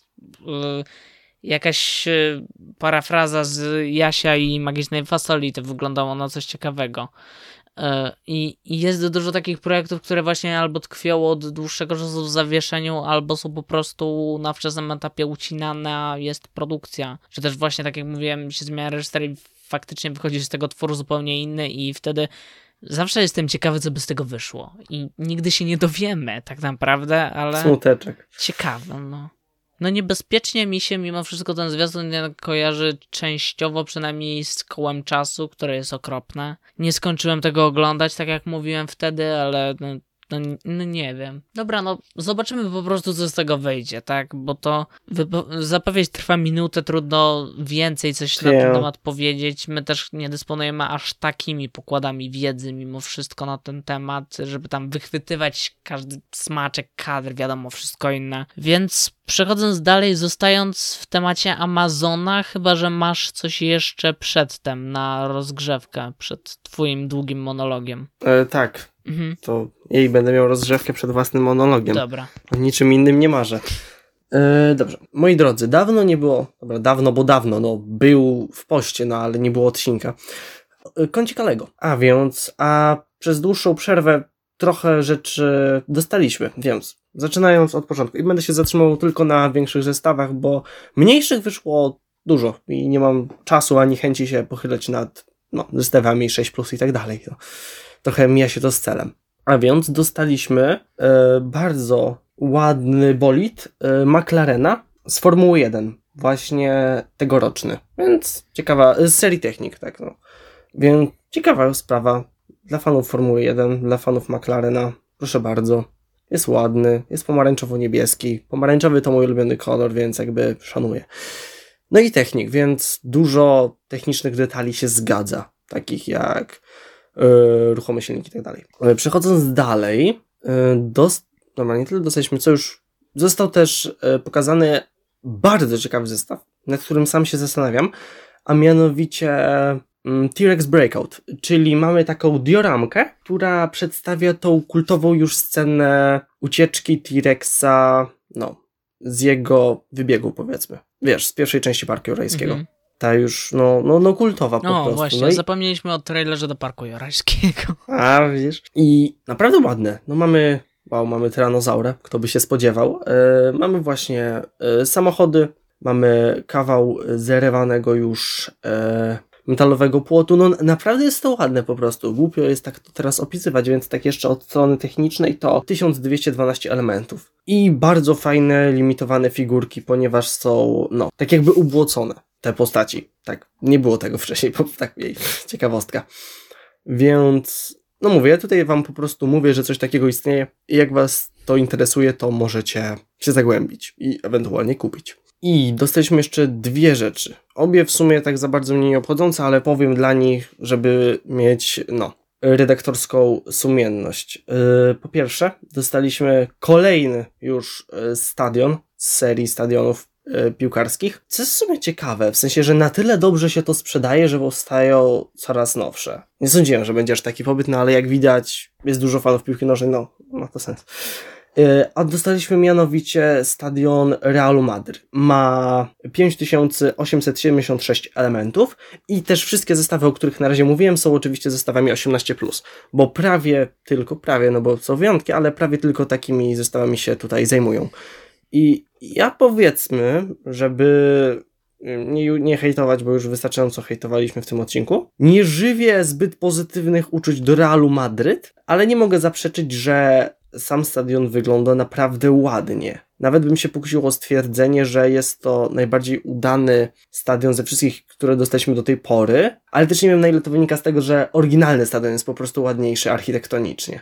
No ale tak, tak samo jak o wszystkim, o czym mówię, dla fanów naprawdę coś fajnego. Tylko tutaj trzeba już uważać, bo nie mam ceny pod ręką, ale biorąc pod uwagę ilość elementów i to, że jest to na licencji Realu Madryt, to jest to bardziej bolesne dla portfela niż dwie poprzednie propozycje. I na koniec yy, mamy coś, co w sumie nie mam pojęcia, co to jest. Jest to. Czemu, czemu Instagram się nie chce powiększyć? Kurde. Dobra. E, dobrze, mamy tak. E, jest to zestaw, e, który powstał we współpracy Sony i on będzie. Jest to gra e, Horizon Forbidden West, która ukaże się na PS5 i PS4 i mamy z tej okazji zestaw, ale że nie mam pojęcia nic o tej serii gier, to przestanę się wypowiadać. Ale wiecie, że taki zestaw istnieje, więc jakimś cudem, jak są wśród nas fani serii gier Horizon, to proszę. I z Lego to chyba będzie na tyle. Tak, to będzie na tyle. Mogę oddać głos na moment. E, dobra, to, to zanim zaczniesz omawiać produkcję i wrócimy do Amazona, e, to jeszcze można na szybko powiedzieć, że tak jak zdążyłem sobie przypomnieć w trakcie, kiedy mówiłeś, wyszedł trailer do Jurassic World, najnowszego, trzeciej części tej nowej trylogii. Jak bardzo na szybko, bo myślę, że nie ma się co tutaj stawać, zagłębiać. Jak bardzo jest to nudny trailer, w sensie on on jest strasznie nudny. Jak się go ogląda, to, to jest nudny. Ta muzyczka w tle, taka nostalgiczna coś, tam pianinko, nie wiadomo co jeszcze, jakieś chórki, cholera wie. To wszystko jest takie kiczowate i okropne i tak bardzo mi się to nie podoba i tak bardzo nie podoba mi się to, że ten film to jest kolejny film taki z wyższym budżetem z tego kina powiedzmy rozrywkowego, który jest przesiąknięty do bólu całą nostalgią i tym wszystkim innym. Tutaj w poprzednich dwóch częściach pojawił nam się Jeff Goldblum z tej y, trylogii Spielberga y, Jurassic Parku, a tutaj mamy kolejny Oraz dwóch... jego cytat jest też na tym zestawie, na tej dioramce. Nie no, super, po prostu, no fantastycznie ten cytat.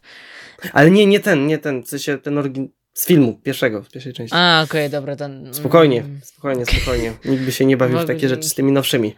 A, z tych nowszych są tylko zestawy dla dzieci, ale to już właśnie dlatego w nie nie chciałem wchodzić. A, te, a, teraz mamy jeszcze dwie postaci z poprzednich filmów, to znaczy mamy Samanila i mamy Laura Dern jeszcze. Czyli kolejne dwie gwiazdy, które patrzcie, oni byli w tych filmach, które kochaliście i teraz wrzucimy ich do tego nowego filmu, żeby nie, wyda nie, nie wydawał wam się aż tak głupi i beznadziejny, jaki w rzeczywistości jest. Dokładnie na tym się opiera ta strategia. Dinozaury wyglądają ok, choć też tak latają sobie po kadrze i nie przekonuje mnie to w sumie w ogóle. I ta produkcja nie przekonuje mnie w sumie w ogóle. Ja już miałem za zastrzeżenia przy drugiej części Jurassic World, pamiętam. Też, też już tam coś nie, nie grało, chociaż musiałbym sobie te filmy jeszcze raz odświeżyć, jakoś przypomnieć, ale tu w ogóle mnie to nie, nie, nie nakręca pozytywnie, tak kompletnie. No wiesz jak to jest, no są dinozaury, no. Tak. No o to chodzi. Trzeba się cieszyć, tak. E, I jeszcze zanim zaczniemy, no to ten podcast miał być kiedyś także technologiczny, więc wypadałoby dodać coś a propos technologii. Mianowicie Samsung zaprezentował nowe modele swoich telefonów, e, co ja szczerze mówiąc przegapiłem i dowiedziałem się o tym z jakiegoś sześciodniowym opóźnieniem mniej więcej. Ja tak samo. E, tak, to, to, to wiele znaczy o nas i też to, ile razy ostatnio wspominaliśmy o nowych technologiach, znaczy, jak bardzo trzymamy się formuły tego podcastu. Nie było o czym mówić, ok? W sensie tam się nic nie dzieje, każdy telefon jest taki sam, wszystko, wszystko się miesza, wszystko się łączy po prostu i nic, nic nie ten. Boże, w Hollywood dzieje się dokładnie to samo, o czym tak. ja mówię. To jest straszne i przerażające. Cze czekam na Everything Everywhere All at Once. Ten, ten hmm. film wygląda tak świetnie. Ja, ja pragnę to obejrzeć jak najszybciej. Chyba przy, przesunęli premierę, w sensie ją przyspieszyli, o dziwo, na marzec, z kwietnia, więc... Uuu. Więc wow, wow, wow, wow, wow, tak, tak, tak, chcę, I, I want this. Mieliśmy gadać o telefonach. E, Samsung zaprezentował nowe telefony, przepraszam, i... Nie, przepraszam. Są jakie są. Normalne, Istnieją. Normalna SK jest ładna, bo jest mała i fajnie się utrzyma. W sensie I małe rameczki, wszystko gituwa, tak. Tak, i, i spoko, i ma dobre parametry, ma, jak widziałem taki film, w którym ktoś porównywał, Kuba Klawiter chyba, porównywał S20, aparat z 22 do S21, to wydawało mi się, że S22 ma lepszy, to mniejsza. S22 wow, to... plus jeszcze jest, to jest taki telefon, który jest większy i w sumie tyle. Właśnie coś, co mnie mega boli, to właśnie się dowiedziałem przed sekundką, bo sprawdziłem, że e, S22 Plus ma jaśniejszy ekran od zwykłej. Hmm. Ja mam taką, czemu? Jakby jedyna różnica, jaka powinna mieć miejsce, to rozmiar. Czemu ma jaśniejszy ekran? Bateria jeszcze jest i no szybkość no tak, ładowania, no bo... z tego co pamiętam. Tutaj w tym przypadku. Tak nie powinno być faktycznie. Znaczy akurat bateria ma sens, no bo wiesz, większy ekran, no to tak, tak, tak. większa tak. bateria. Ale tutaj e, mogliby brać przykład z Apple po prostu. W tym przypadku akurat mogliby. I kurczę, w sensie zastanawiałem się, czy to widać. Jak bardzo to widać, bo oni mogą mówić, że jaśniejszy ekran czy coś, a w praktyce może tam nie, nie być. To zależy od tak sytuacji. Widoczne. W domu tak. i w zamkniętych przestrzeniach nie zobaczysz, ale jak będzie na przykład mocne letnie słońce, to wydaje mi się, że będzie można to. A z drugiej strony to i tak są, wiesz, zawsze AMOLED o i tak sporej tej jasności, więc. To, nie, no tak. To, nie wiem, no. I też Samsung zaprezentował tego drugiego, czy on ma rysik, ten Ultra? Tak. Nie przygotowałem się. Ma. E, I no tak, czyli Samsung usunął serię Note, ale teraz ma serię Note w postaci serii S. Good strategy, jej. Znaczy, że taki good, w sensie, jedyne co mi się w tym podoba to fakt, że jest mniej serii, e, co ja szanuję, bo jest to bardziej ekologiczne po prostu. No okej, okay, dobra tego Bo dawanie po prostu bardzo podobnego modelu z minimalnymi zmianami i rysikiem, no nie było zbyt ekologiczne. Nie, a propos tego, to y, może natknąłeś się na informację, czy w pudełku wrócili do ładowarki, czy co? Hmm. Dobre pytanie. To, to, to jest bardzo dobre ja pytanie. Nie szukałem nawet, kurczę. Jak ktoś da Czujesz znać, ten wstyd, jak cię pali od środka? Dlaczego nigdzie nie ma tej informacji? Sprytnie się ukryli. Ale to niestety raczej oznacza, że nie. Skoro nigdzie nie ma o tym informacji. Jakby no, Dobra. No, przyzwyczaili się, że tak powiem, nie było sensacji żadnej. To chyba znaczy, że możemy po prostu zakończyć ten temat. No, ja nie mam przynajmniej nic do powiedzenia chyba. Są, telefony są drogie, są... Nigdy nie będę go miał i tak dalej, więc... Wiesz, za 5 lat. Jak za... Nie, no nie, akurat nie. za 5 lat cena spadnie oczywiście. Nie, jedyne w sumie to, to niestety muszę oddać Apple'owi, bo mój tata ostatnio dostał jako służbowy telefon y, iPhone 8, nie? Mhm. I ciągle ma aktualizację. I no jednak za to się szanuje. Mhm. Nie no, Apple można szanować za wiele rzeczy mimo wszystko, no jakby... Pamiętam kiedy kiedyś w którymś odcinku um, omawiałam konferencję Apple, a potem musieliśmy to wyciąć w postprodukcji. Tak! ja tak sobie tutaj tak siedziałem. Odcinek tak był siedziałem. krótszy przez 20 minut, tak fascynujące. To były czasy. Dobra, do brzegu. Obejrzałeś to serial. Ja jeszcze... Danie główne. Nie, jeszcze, jeszcze nie. W sensie, jeszcze... tak, ale jeszcze nie. Ponieważ Lista e, odcinek nie ma po przerwie. Końca. Nie, odcinek po przerwie nie jest odcinkiem po przerwie bez mówienia o Ironhide Games Studio. A więc Musieli się wepchnąć. Dla osób, które y, korzystają z VPN-a, żeby grać w ich nową grę Junk World, która teoretycznie nie jest w Polsce, ale ja mam VPN-a, więc jestem w Kanadzie, więc ją mam. To jest aktualizacja i jest całkiem przyjemna, bo dostaliśmy encyklopedię przeciwników i różne dodatkowe rzeczy, ale więc szanuję. Yy, gorzej troszkę, że nadal nie mogę jednego poziomu na trzy gwiazdki zrobić, no ale cóż, życie. Mm. Tak, teraz mogę już przechodzić do ważnego Dobra, tematu. danie główne, danie główne. M- miał to być film, mieliśmy omawiać film, nie wyszło. Nieważne. Kacper obej- wracając do Amazona, Kacper obejrzał serial, o którym już wspominał w podcaście, więc pewnie się domyślacie, co to jest, bo chyba nie słyniemy z tego, że oglądamy za dużo tych seriali, ale to nieważne. Kacper No obejrzał... liceum, moi drodzy, nie ma czasu na takie rzeczy. Tak, dokładnie. E, obejrzałeś serial, miał tytuł... Tytuł miał, tak. Tak miał tytuł. Miał tytuł. Nie E, pomagasz. tytuł Legenda Vox Machina. Mhm, Legend of the Vox Machina, coś tam, coś tam. I jest to serial na podstawie twórczości Critical Role i też Tak. chyba współtworzony przez Critical Role, z tego co się Tak. doczytałem. Jedyne, czego nie jestem pewien, bo ja nie należę do osób, które przebrnęły przez wszystkie godziny sesji, a już na pewno nie jestem na tyle stary, żeby oglądać ich od początku. Nie jestem właśnie pewien, na ile głosy. Czy jakikolwiek głos się. Tak, tak. Chyba, chyba z tego co patrzyłem, właśnie jakieś tak. Plus też, e, ja, ja w ogóle nie jestem zaznajomiony z twórczością, nie? Ale kojarzę, kto to No jest. ja właśnie też nie. Oprócz tego, co teraz, to nie wiem prawie Y, nic. Ale też słyszałem, mm, to ja zanim zamilknę na wieki, to powiem jeszcze, że widziałem coś takiego, że ten serial w ogóle zanim w- został wypuszczony i tak dalej, to oni go tworzyli przez to, że mieli zbiórkę na Kickstarterze. O, I oni zbierali pieniądze i zebrali, i zbierali, zebrali tych pieniędzy w koniec końców chyba całkiem sporo i wtedy dopiero serialem zainteresował się w końcu Amazon, który Hmm. im popchnął tą produkcję do przodu w końcu i finalnie no, dostaliśmy se- serial na Amazon Prime. Ja serialu nie widziałem na razie, Kacper go widział i Kacper będzie o nim mówił. Chwalebne rzeczy podobno, więc Tak, więc e, zanim przejdę już do samego serialu, e, to tak właśnie dodam, że był on w bardzo ciekawej formie dystrybuowany, a mianowicie co tydzień były, ale po trzy odcinki. E, Taka ciekawa forma, no bo w sensie równie dobrze mogli dawać co tydzień odcinek godzinny, ale w sumie nie wiem czemu tak jest, ale jakoś animacje raczej idą prawie zawsze w krótsze 20-parominutowe odcinki. Nie wiem w sumie z czego to wynika. W sensie inaczej, są seriale, w których wiadomo z czego to wynika, na przykład Rick and Morty, bo tam po prostu fabuła zazwyczaj zamyka się w tych 20 minutach i jest to oddzielna historia. Tutaj mamy do czynienia z ogólną historią od początku do końca, szczególnie od trzeciego do dwunastego, czyli do końca e, odcinków i jest ona tak, tak, no tak stricte nadrzędna, tak, gdzie się kończy jeden odcinek, zaczyna się drugi, więc mhm. było wygodne to, że nie musiałem czekać aż tyle, bo bym jeszcze czekał chwilę matematyka. Dużo. po ile ich jest dużo tych odcinków finalnie w końcu? 12. A, okej. To jest Tak, standardowe. y, no tak, tylko dzięki temu, że były co trzy w, A, no y, tak. tygodniowo w piątki, to no cztery tygodnie Mhm. tylko. I też muszę dodać, że podobno już na jakimś etapie produkcji jest drugi sezon. no.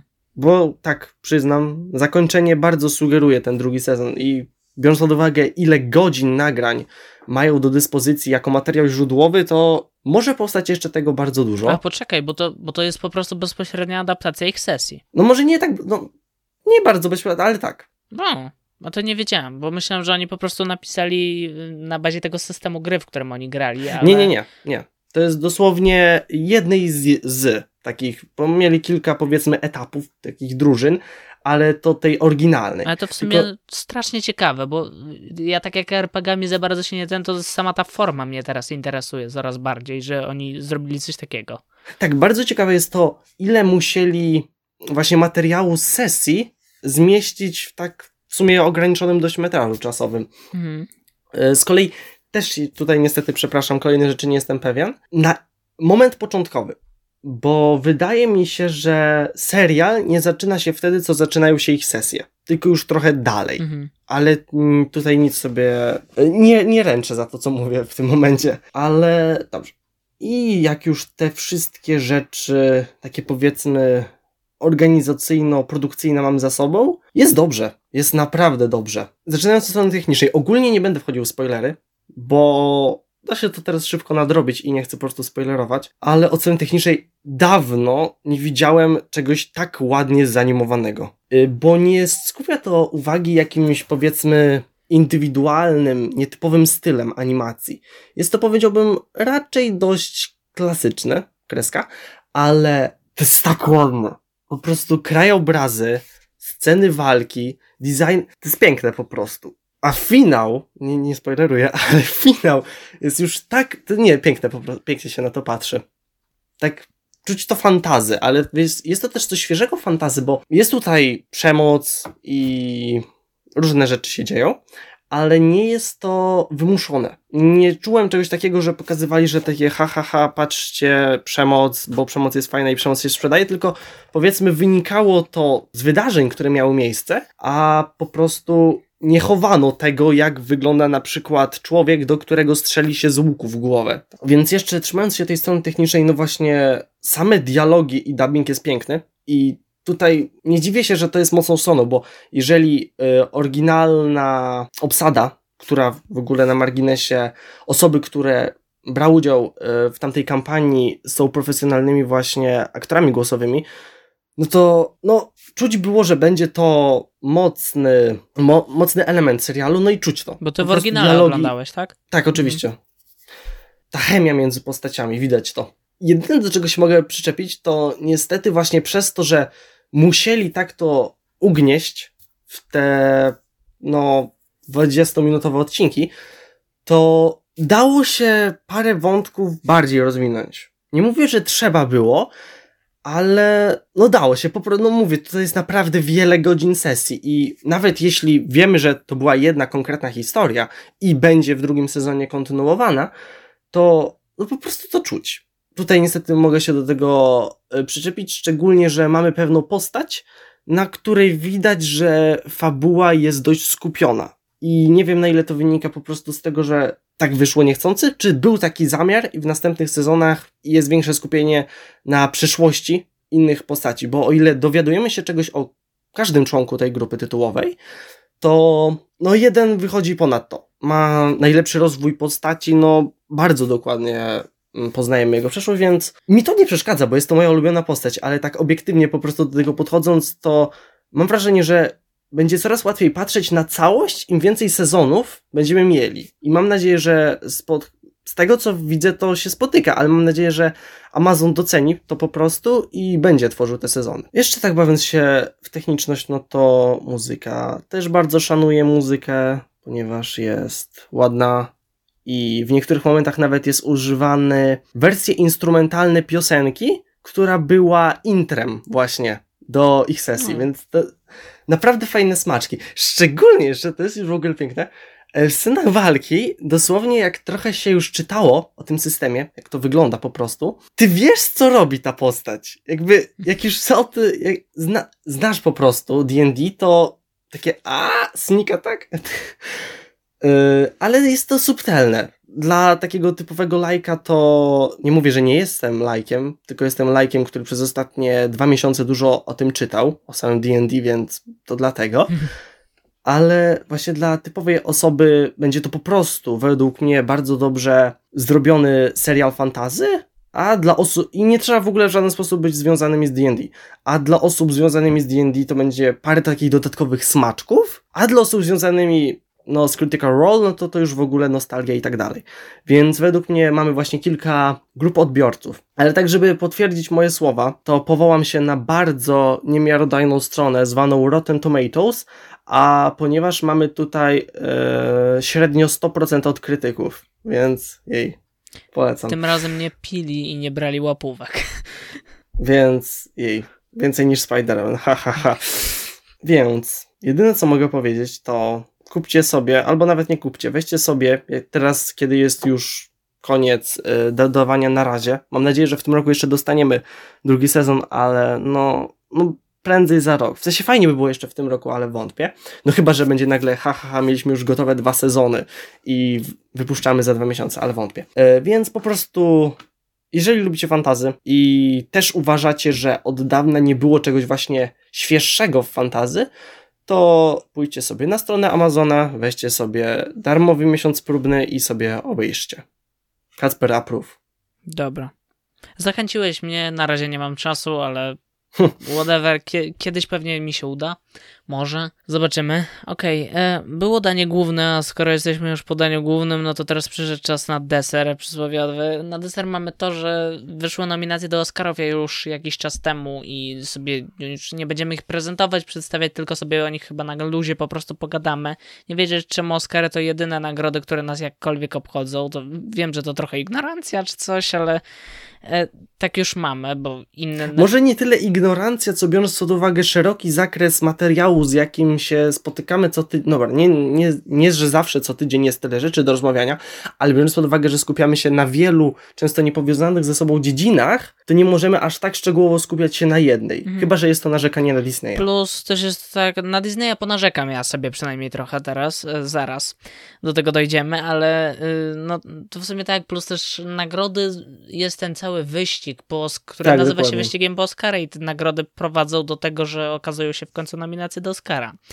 I co tak. do tegorocznych nominacji do Oscara. Nie obyło się, w przypad- e, przynajmniej w moim przypadku, bez jakichś większych zaskoczeń. W sensie nic, nic tutaj nie, nie jest bardzo zaskakującego. Jest parę rzeczy ciekawych, jest zaledwie kilka rzeczy dosyć zaskakujących, że aż tak, bo spodziewałem się, że to będzie, ale że aż tak to nie spodziewałem się, szczerze mówiąc. W większości jest to, są to nominacje dosyć przewidywalne i większość, a jeżeli już dochodzi do jakichś zaskoczeń, to są one raczej na plus. Mam dosłownie kilka, to nie są może zakończenia, ale zaraz do tego przejdę, że jest to po prostu kilka głupotek. Natomiast yy, czy zaczynamy od kategorii najlepszy film, czy sobie przejdziemy od yy, końca tutaj jakiejś listy, czy coś, żeby podbudowywać napięcie, czy coś, czy nie ma to sensu? Ja bym zaczął jednak od początku. Wow, zaczął od początku, kurde, widać, że nie jest No, to jest kategoria, dobra. rozdają to na koniec. Nie, nie wiem, dobra, nieważne. Y, najlepszy film. Widziałem dosłownie połowę filmów z tego zestawienia tutaj. Właśnie więcej niż ja, bo ja, to jest taka smutna historia. Ja tak sobie patrzę na filmy i ja mam takie, ej, ja miałem pójść na Belfast i właśnie nie poszedłem. Y, Belfast ma premierę oficjalną dopiero 25 w Polsce. Więc no właśnie! Jest, będzie jeszcze pełno pokazów, don't worry No właśnie, bo ja miałem takiego laga, bo ja pamiętam, że ja widziałem zwiastun i miałem w planach pójść, ale potem jakoś hmm, nie poszedłem. A zamierzałem cię pytać, czy chcesz iść ze mną na Belfast. O, w ogóle taka ciekawa sytuacja, że Belfast Jej. jest Kennetha Branath'a, który też reżyserował Death on the Nile, które mieliśmy omawiać w dzisiejszym odcinku. Kurde, może za hm. tydzień uda się zrobić kompilację Kennetha Branata. Nic nie obiecujemy. Yy, w każdym razie, no dobra, no przechodzimy do tego, że już Belfast jest w tym zestawieniu i nie mogę nic o nim powiedzieć. Ty też za bardzo nic nie możesz, bo Belfastu nie widzieliśmy. Aczkolwiek on się zapowiada na film taki bardziej Oscarobajtowy, można by powiedzieć, ale są też w tym zestawieniu filmy, które bardziej są jak Oscar bajty. Odhaczę najpierw sobie, pozwolę odhaczyć sobie te, których nie widziałem po prostu, bo tak. Mamy z tych bardziej oscarbajtowych filmów to mamy też King Richard, zwycięska rodzina z Willem Smithem, który po zwiastunach zapowiadał się już na taki totalny oscarbajt, ale go też nie widziałem. Natomiast on jest z tego co kojarzę teraz na HBO Go dostępny, więc można go sobie zobaczyć. W ogóle sporo tych filmów już jest na VOD, chyba że były na początku. Z tego co nie widziałem, mamy tu jeszcze Koda. Koda jest dostępna na Apple TV Plus i to jest film, który mnie w jakiś sposób ciekawi i podobno jest to remake jakiegoś francuskiego filmu, z tego co pamiętam, ale też za bardzo nic na ten temat nie wiem. I mamy tu West Side Story, reżyserowane przez Stevena Spielberga i to nie widziałem tego filmu, widziałem o nim zupełnie różne opinie z różnych stron, ale sama idea, że Spielberg znów jest nominowany do Oscara, bo, bo to Spielberg, to jakoś do mnie nie przemawia już kompletnie. Dobra, przechodząc do filmów, które. Aha, jeszcze jedno mamy. Jeszcze mamy Drive My Car, które też mnie ciekawi, bo słyszałem naprawdę dużo o Drive My Car ostatnio, a jednocześnie jest to film dla mnie dosyć tajemniczy. Ciekawe jest to, że jest to film japoński i został nominowany zarówno znów tutaj kolejny azjatycki film, który jest zarówno nominowany do kategorii najlepszy film międzynarodowy, jak i najlepszy film w ogóle. Best Picture, więc ciekawe i to dobrze. Drive My Car też będzie miał premierę, ale dopiero w marcu, z tego co pamiętam. Natomiast ja też oczywiście się wybieram, bo intryguje mnie ten film po prostu. A do filmów, które obaj widzieliśmy, to jest tutaj Duna. Ui. I ja się... Jest to imponujące, mhm. według mnie, tak, tak, biorąc bo... pod uwagę, jaki jest to rodzaj filmu. Tak, bo Duna generalnie zbiera, zebrała Tak. aż 10 nominacji. Jest to całkiem solidny wynik i też... Prawie jak Joker, No tak, prawie jak Joker. który był ostatnim, no takim właśnie, bo i- inny klimat, Mhm. ale też z takich filmów, powiedziałbym, których nie spodziewasz się aż tak na Tak. Oscarach. I cieszy mnie sama idea, że Duna jest nominowana. To aż tylu nominacji, Tak. To znaczy, że nawet jeżeli ten film nie dostanie żadnych statuetek, jakieś na stówę dostanie, ale nawet gdyby ich nie dostał, to sama idea tego, że jest nominowany, że został doceniony mnie po prostu cieszy, bo naprawdę docenienie tego filmu sprawia mi przyjemność. No, to sytuacja podobna jak z Jokerem, jakby ostatecznie dostał trzy, chyba, tak, chyba trzy. Albo dwa, nie pamiętam, przepraszam. Ale właśnie no fakt, że dostał te 11 nominacji, no pokazał, był, no że da się po prostu. Mhm. Takim trochę docenieniem tej niszy superbohaterskiej.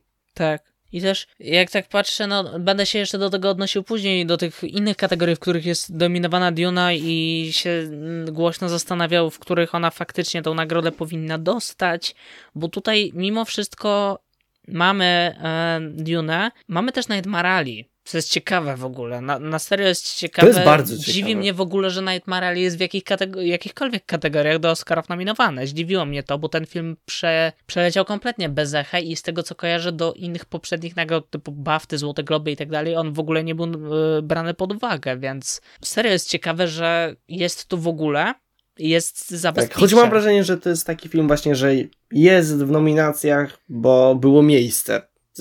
Wątpię, że będzie jakoś uczestniczył w walce. Możliwe. Tak, tak, to prawda, ale też fajne, że on, fajnie, że on tu jest i mam Tak, taką dygresję, że to jest film Guillermo del Toro. Guillermo del Toro e, zasłynął tym, że w 2017 roku, przepraszam, jeżeli coś mylę, ale kilka lat temu w każdym razie dostał Oscara za The Shape of the Water i teraz znowu jest nominowany do Oscara za Nightmare Alley. I gdyby nie pozostali kandydaci w tej kategorii do Oscara w tym roku, to ja bym dał Gielmo tego Oscara teraz, a zabrał mu go za kształt wody. Bo kształt wody w moim przypadku był czymś takim, że on jest spoko filmem, i, ale generalnie nie przedstawia nic jakoś nowego, oryginalnego, ani kunsztownego i też nie trafia do mnie za bardzo, chociaż powinien trafić, ale nie trafia w ogóle.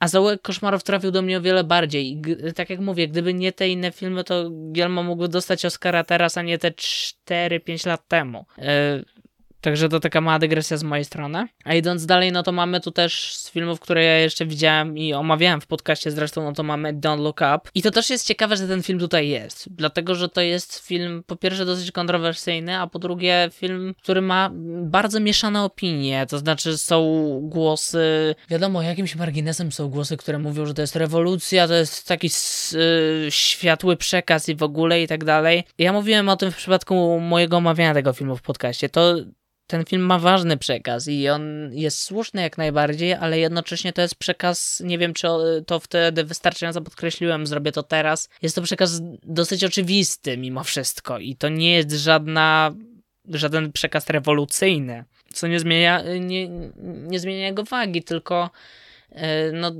takie teorie możemy nas dowód rzucić. Są osoby, które pod, którym po prostu dobrze się bawiły, film im się podobał i tak dalej jestem w tej grupie.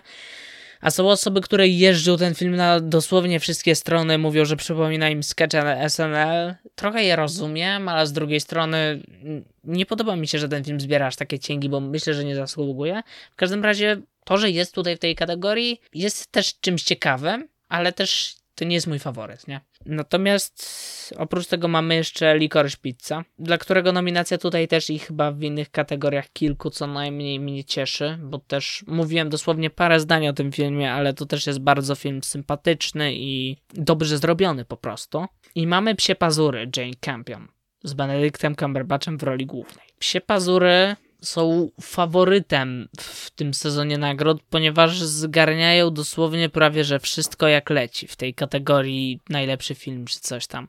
Yy, W baftach, Złotych Globach, wszędzie psie pazury królują wręcz. Widziałem psie pazury. I uważam, że pozytywne, pozytywny odbiór tego filmu i zachwalanie go zarówno od strony reżyserskiej, e, jeśli chodzi o reżyserię Jane Campion, jak i od strony scenariuszową i wizualną jest jak najbardziej trafne w tym przypadku. Bo to pomijając, czy nie wiem, do kogoś to trafia, słyszę głosy, że ktoś się wynudził na tym filmie i on miał, on miał powolne tempo, bo on ma powolne tempo. Ten film jest powolny bardzo ale jednocześnie ja miałem takie coś, że siedziałem podczas praktycznie całego seansu jak na szpilkach i też cała gra aktorska w tym filmie, to jakie on ma zdjęcia, bo tam mamy te prerie wszystkie, to wygląda pięknie i też scenariuszowa i reżysersko Jane Campion, która powróciła z nowym filmem po latach dosłownie, bo ostatni film robiła bardzo dawno temu i ja nie znam ich, jej poprzednich filmów, odwaliła naprawdę kawał dobrej roboty i tak jak mówię, nie widziałem, widziałem połowy z tych filmów, nie? Ale na tą chwilę to jest mój faworyt mimo wszystko. Choć jednocześnie mamy to Drive My Car, które jest dla mnie intrygujące, po prostu. Musimy pójść na Belfast. Tak. A lecąc dalej, no to mamy najlepszego aktora pierwszoplanowego. I tutaj mamy Denzela Washingtona za e, The Trilogy of Macbeth, którą mieliśmy oglądać, ale oglądałeś w końcu? Właśnie nie. Ja też również nie i żałuję jak na razie, nadal mm, wygląda to pięknie po tych trailerach i w ogóle, więc szkoda. Nie. No przydałoby się jakoś. Tak. No ferie przeleciały i się nie udało. No właśnie, smuteczek. Jeszcze się uda, bo mamy jeszcze czas, mamy koło miesiąca do tych Oscarów, trochę mniej chyba. Mm -hmm. e, w każdym razie mamy tutaj Willa Smitha za King Richarda, to jest w sumie ciekawe, bo trochę wygląda to na ten Oscar bite i tak dalej, ale nie umiem się wypowiedzieć, bo mówię, tego filmu nie widziałem, tak samo jak nie widziałem Javiera Bardema w Being the Ricardos. Tak naprawdę z tych dwóch to widziałem tutaj Benedicta Cumberbatcha z Psich Pazurów, który gra w tym filmie absolutnie fenomenalnie, ma fenomenalną kreację i w ogóle jego jedna z najlepszych ról od dawna według mnie i byłby moim faworytem bezsprzecznie w tej kategorii, też żeby docenić jeszcze bardziej psie pazury, ale jest niespodziewanie tutaj także ktoś inny, czyli Andrew Garfield za Tick Tick Boom, dokładnie rzecz ujmując. Takie to by Boże, jakby miał za nie dawa. nie, to nie mógłby być chyba pierwszoplanowy, bo on, on mało jest tam na ekranie w sumie stosunkowo, ale... W sumie tak. Miałem jeszcze iść na taki film, który zresztą tam jest później gdzieś tam nominowany The Eyes of Tammy Faye. Zresztą ci trailer wysyłałem, nie chcieli ze mną iść. Ja też w końcu nie poszedłem, bo złapała mnie ta kwarantanna cała, ale tam też gra Andrew Garfield, co prawda na drugim planie chyba bardziej, ale ostatnio... On gra wszędzie w tym roku. No, on gra wszędzie, ale też pokazuje, że jest... Ale się będzie wypierał, że gra nigdzie. ale on też jest, okazuje się być całkiem dobrym aktorem i naprawdę gdyby gdyby nie on w tej kategorii, to bym był y, całym sobą za Cumberbatchem, ale ponieważ mamy tu Andriego Garfielda, który o ile Tick Tick Boom jako film, który też zresztą obejrzałem i też do mnie nie trafia, nie ruszyło mnie może to, ale od strony muzycznej, bo jestem musical i od strony właśnie aktorskiej, z uwzględnieniem szczególnym dla Andrew'ego Gar Garfielda, to jest film naprawdę dobry i pokusiłbym się tutaj po prostu o docenienie Andrew'a Garfielda, żeby chłop miał tego Oscara, bo serio zasługuje. Lecimy dalej i tu ja nie mam o czym mówić, bo mamy w najlepszej aktorce pierwszoplanowej mamy Nicole Kidman za Being the Ricardos, Penelope Cruz za Matki Równoległe, Kristen Stewart za Spencer, Olivia Colman za Córkę i Jessica Chastain za Oczy Tammy Faye. Nie mam tutaj za dużo do powiedzenia, bo żadnego z filmów wspomnianych przed chwilą nie widziałem. Ty chyba też nie? Nope. Nope. Yy, więc nie wiem. Natomiast zaskoczenie mimo wszystko, i to jest to zaskoczenie jak najbardziej pozytywne, jest brak Lady Gagi tutaj która byłem całkowicie pewien, że będzie nominowana za House of Gucci, że House of Gucci generalnie będzie trendowało na Oscarach. Nie trenduje. Lady Gaga nie ma nominacji i jeżeli ktoś słuchał odcinka, w którym omawiałem House of Gucci, no to może być pewien już teraz, że radość mnie ogarnęła i ulga i poczucie tego, że jednak ktoś tam coś ogarnia. I cieszy mnie to. I tyle mogę w sumie powiedzieć, bo nie widziałem. Następny film, no to mamy aktora pierwszoplanowego i tutaj mamy J.K. Simmonsa z the Ricardos, y, Troy Kotsur, Koda, zaczynam przekręcać nazwiska w tym momencie. Y, Cody Smith McPhee za mm, Psie Pazury, Claire, przepraszam, aktora z Belfastu i Jesse Plemonsa również z Psich Pazurów. Czyli mamy aż dwie nominacje w tej samej kategorii dla Psich Pazurów, obie cieszą. Natomiast jeżeli komuś tutaj z Psich Pazurów, a nie wiem, czy komuś innemu miałbym w ogóle dawać jakiekolwiek szanse, bo innych filmów nie widziałem, miałbym przyznać nominację, no to byłby to Cody Smith McPhee, bo gra lepiej, kreuje lepszą kreację, ciekawszą kreację i generalnie działa lepiej. I tyle mogę powiedzieć. Przechodząc do aktorek, no to mamy tutaj aktorkę drugoplanową i to mamy Judy Dench z Belfastu, panią o nazwisku Ellie z King Króla Richarda, Ariane DeBoss z West Side Story, y, Jessie Buckley z Turki i Kristen Stewart z Psich Pazurów. Kristen Stewart to jest kolejna aktorka z tej gali, która grała kiedyś w trylogii Raimiego o Spider-Manach. O Boże, Kristen Dust.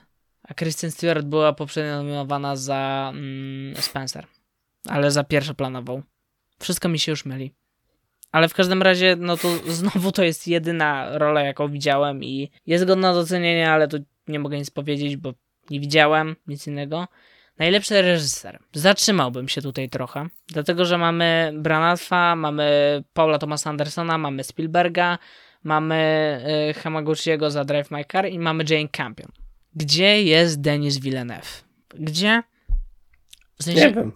Duna dostaje te 10 nominacji, ale jednocześnie niektóre z tych nominacji jest takie, żeby, bo chcieliśmy ją gdzieś wcisnąć, ale w sumie to przydzieliliśmy kategorię losowo. Bo jeżeli by to ode mnie zależało, wywaliłbym nawet Duna z Best Picture, żeby tylko Denis Villeneuve był nominowany i zgarnął tego Oscara, bo w 100% zasługuje. W tym momencie z filmów, które widziałem, no to mamy tu Licorice Pizza i Psie Pazury, no to Jane Campion jest moją faworytką absolutną, ale Paul Thomas Anderson nie obraziłbym się, gdyby Oscara dostał. Nie widziałem Drive My Car. Branaca i Spielberga nie wiem, ale jakoś, jakoś mnie nie przekonują. Chociaż nie widziałem tych filmów, wiadomo. Natomiast ten brak Villeneuve'a tutaj, no to jest dla mnie trochę taki żart, jednak ponury i pierwsza z głupotek na tegorocznych nominacjach. Potem mamy kategorię najlepszy scenariusz oryginalny, tutaj mamy Belfast, Licorice Pizza, Nie patrz w górę, Kinga Richarda i Najgorszy człowiek na świecie, czyli mm, kolejny taki film nominowany tutaj w kilku kategoriach, który jest, e, nie jest anglojęzyczny. I tutaj w tym scenariuszu widziałem tylko Licorice Pizza i Nie patrz w górę i któryś z tych dwóch filmów nie obraziłbym się, gdyby tego Oscara dostał. Tyle mam do powiedzenia. Scenariusz adaptowany. Kolejna głupotka, bo mamy Kodę, mamy Dune, Psie Pazury, Córka i Drive My Car. I tutaj kolejne moje zapytanie, gdzie jest Night Marali? Gdzie jakby, jak dla mnie przynajmniej, scenariusz to był jeden z tych punktów w tym filmie, które zdecydowanie błyszczały. I tutaj za ten scenariusz ja jak najbardziej nagrodę bym darował temu filmowi. Nawet zastanawiam się, co akurat w tej kategorii robi na przykład Duna, gdzie scenariusz był tą stroną, która akurat jednak nie powodowała największego zachwytu, bo człowiek skupiał się na innych sferach, w których ten film działał o wiele bardziej, więc Dune bym tutaj z całą dozą pewności zastąpił Night Marali i dla mnie, dla mnie to byłby wybór o wiele lepszy. Nie wiem, jak ty sądzisz. Hmm. Problem jest taki, że teoretycznie wypadałoby um, zapoznać się z materiałem źródłowym, żeby oceniać jakość y, adaptowanego to też scenariusza. Prawda, to też prawda, tak. I bardzo mnie ciekawi, ile osób z Akademii czytało materiał źródłowy. Dune.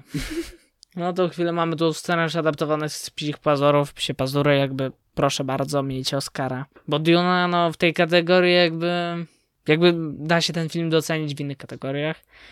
Potem mamy kategorię z dokumentem, widziałem dwa filmy z tego, ale nie, nie chcę się tutaj zatrzymywać, bo myślę, że na tą chwilę nie ma sensu. Najlepsza charakteryzacja i fryzury. Tutaj ponownie Duna, mamy oczy Tammy Faye, mamy kolejną nominację, y, ale już chyba to będzie ostatnia dla House of Gucci. Mamy Cruella i mamy Księcia w Nowego Jorku 2. Według mnie Duna. Definitywnie powinna. Jakby z jednej strony tak, z drugiej nie widziałem jeszcze oczu Tammy Faye, ale Duna na pewno za kostiumy, jeżeli miałbym, to ten, a z drugiej strony, czy teraz jeszcze sobie to możemy złączyć sobie te kategorie w jedno, bo tu mamy kostiumy i tak, też mamy w kostiumach nominowaną Cruella, mamy też e, Nightmare Alley, no okej, okay, dobra, ale y, jeżeli już mamy iść w tą stronę, no to Za charakteryzację i fryzury dałbym Dune, a za kostiumy jednak Cruelli. Bo, yy, Nie widziałem Cruelli. No jasne, ale jakby cały make-up i fryzury też robią w Cruelli wrażenie, jednak kostiumy to jest to, co w tym Mhm. filmie najbardziej cieszy oczka. E, są świetne stylizacje, co po niektóre, nawet ja, który się na tym kompletnie nie znam i który się tym nie interesuje, mogę to potwierdzić. Więc tak, chyba tak, że charakteryzacja i fryzury Duna i kostiumy Cruella, więc tak. Muzyka oryginalna. Psie pazury, Matki równoległe, Don't Look Up, mag nasze magiczne Encanto, Duna. Widziałem Encanto, Psie pazury, Dune, Nie patrz w górę. Ty widziałeś Encanto i Dune chyba, tak? E, tak. Okej. Jak dla mnie Duna. No bo Duna to dobry film. jest. Ale jakby też muzyka Cimmera, my to zachwaliliśmy, że Zimmer robi jednak robotę. Aczkolwiek mamy znowu Psie pazury, no ale dobra, już tyle to... No ale Duna, no. Tyle, dostaje nom- tyle Psie pazury dostają tyle nominacji, że można im jednak odpuścić. Ale mamy też kategorię najlepszy dźwięk. Jeżeli miałbym wybierać, no to dałbym za muzykę Psim pazurom, za dźwięk Dune, aczkolwiek Tak. Zimmer, kurde, to jak bardzo Zimmer się postarał w przypadku Dune też z muzyką, aczkolwiek sam dźwięk był tą, tym, co mnie zachwycało bardziej niż muzyka jako taka, ale muzyka też była czymś zachwycającym w tym filmie. Więc tu też Duna jak najbardziej mogłaby dostać i bym się w ogóle nie obraził. Znaczy mam wrażenie, że za dźwięk to według mnie przynajmniej nie ma według, no, konkurencji. Mhm. Bo dźwięk w Dune to było coś No niesamowitego. poczekaj, bo co jeszcze jest nominowane w dźwięku? Belfast, Psie Pazury, Duna, Not Time to Die i West Side Story.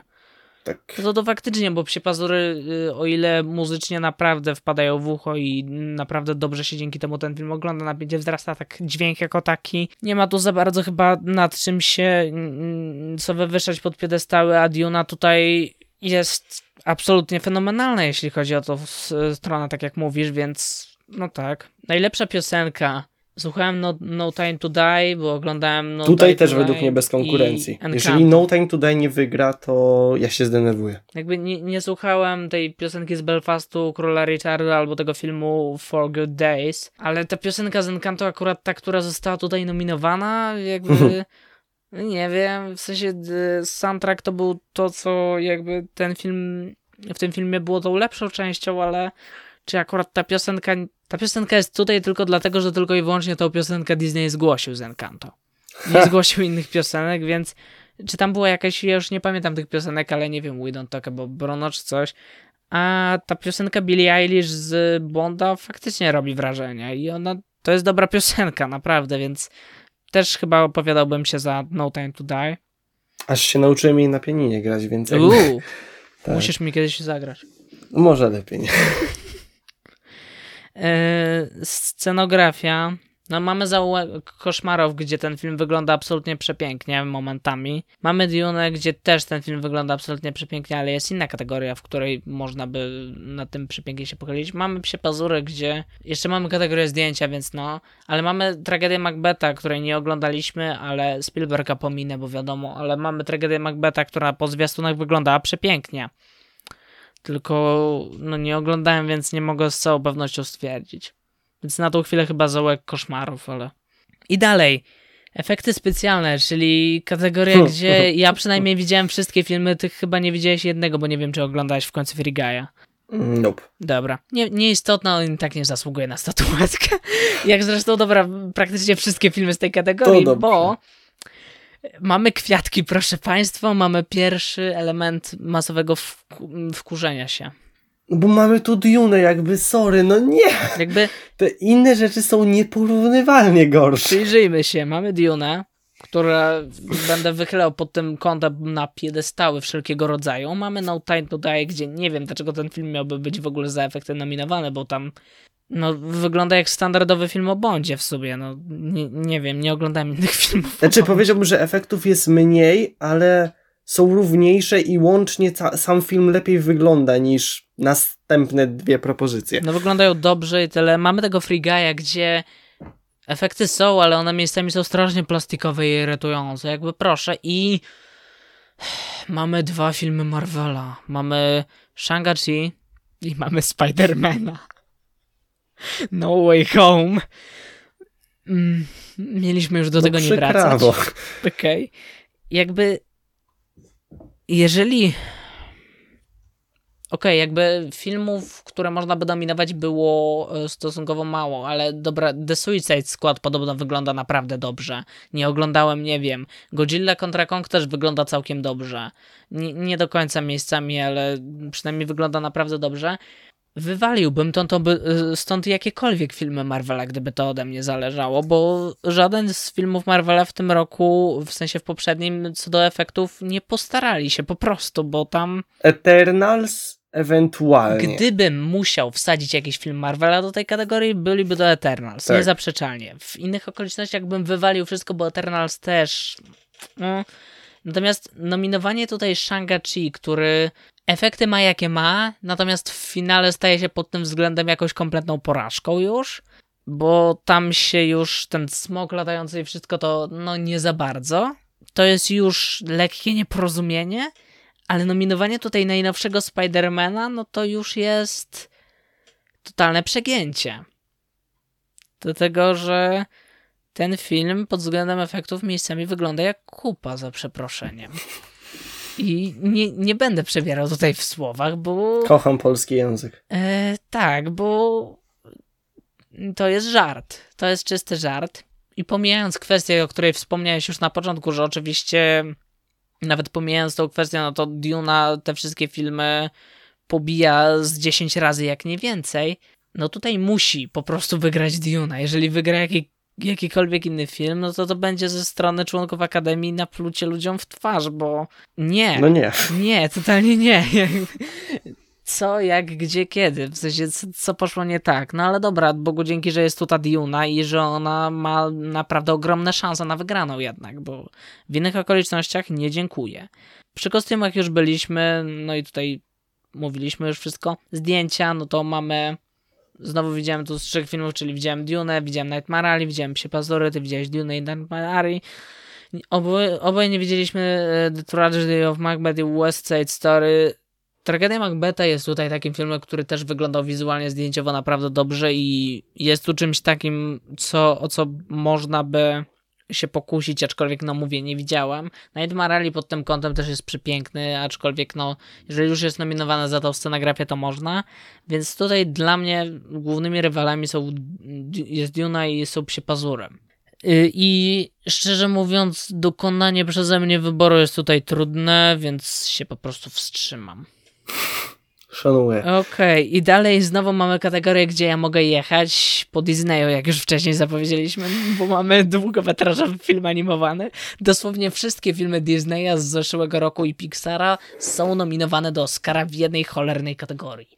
Ja nie wiem, w sensie ja rozumiem, że trzeba było coś nominować, ja to rozumiem, tylko jakby żaden z tych filmów, przynajmniej jak dla mnie, nie wybija się powyżej przeciętnej, a w niektórych momentach ich oglądania mogę stwierdzić, że jest wręcz gorzej. I jeżeli już musieli nominować film Disneya, bo zawsze muszą to zrobić, no to mogli nominować chociaż jeden. Były takie lata, kiedy nominowali jeden, góra dwa filmy Disneya slash Pixara do tego Oscara, a i tak wygrywały z filmami o niebo lepszymi.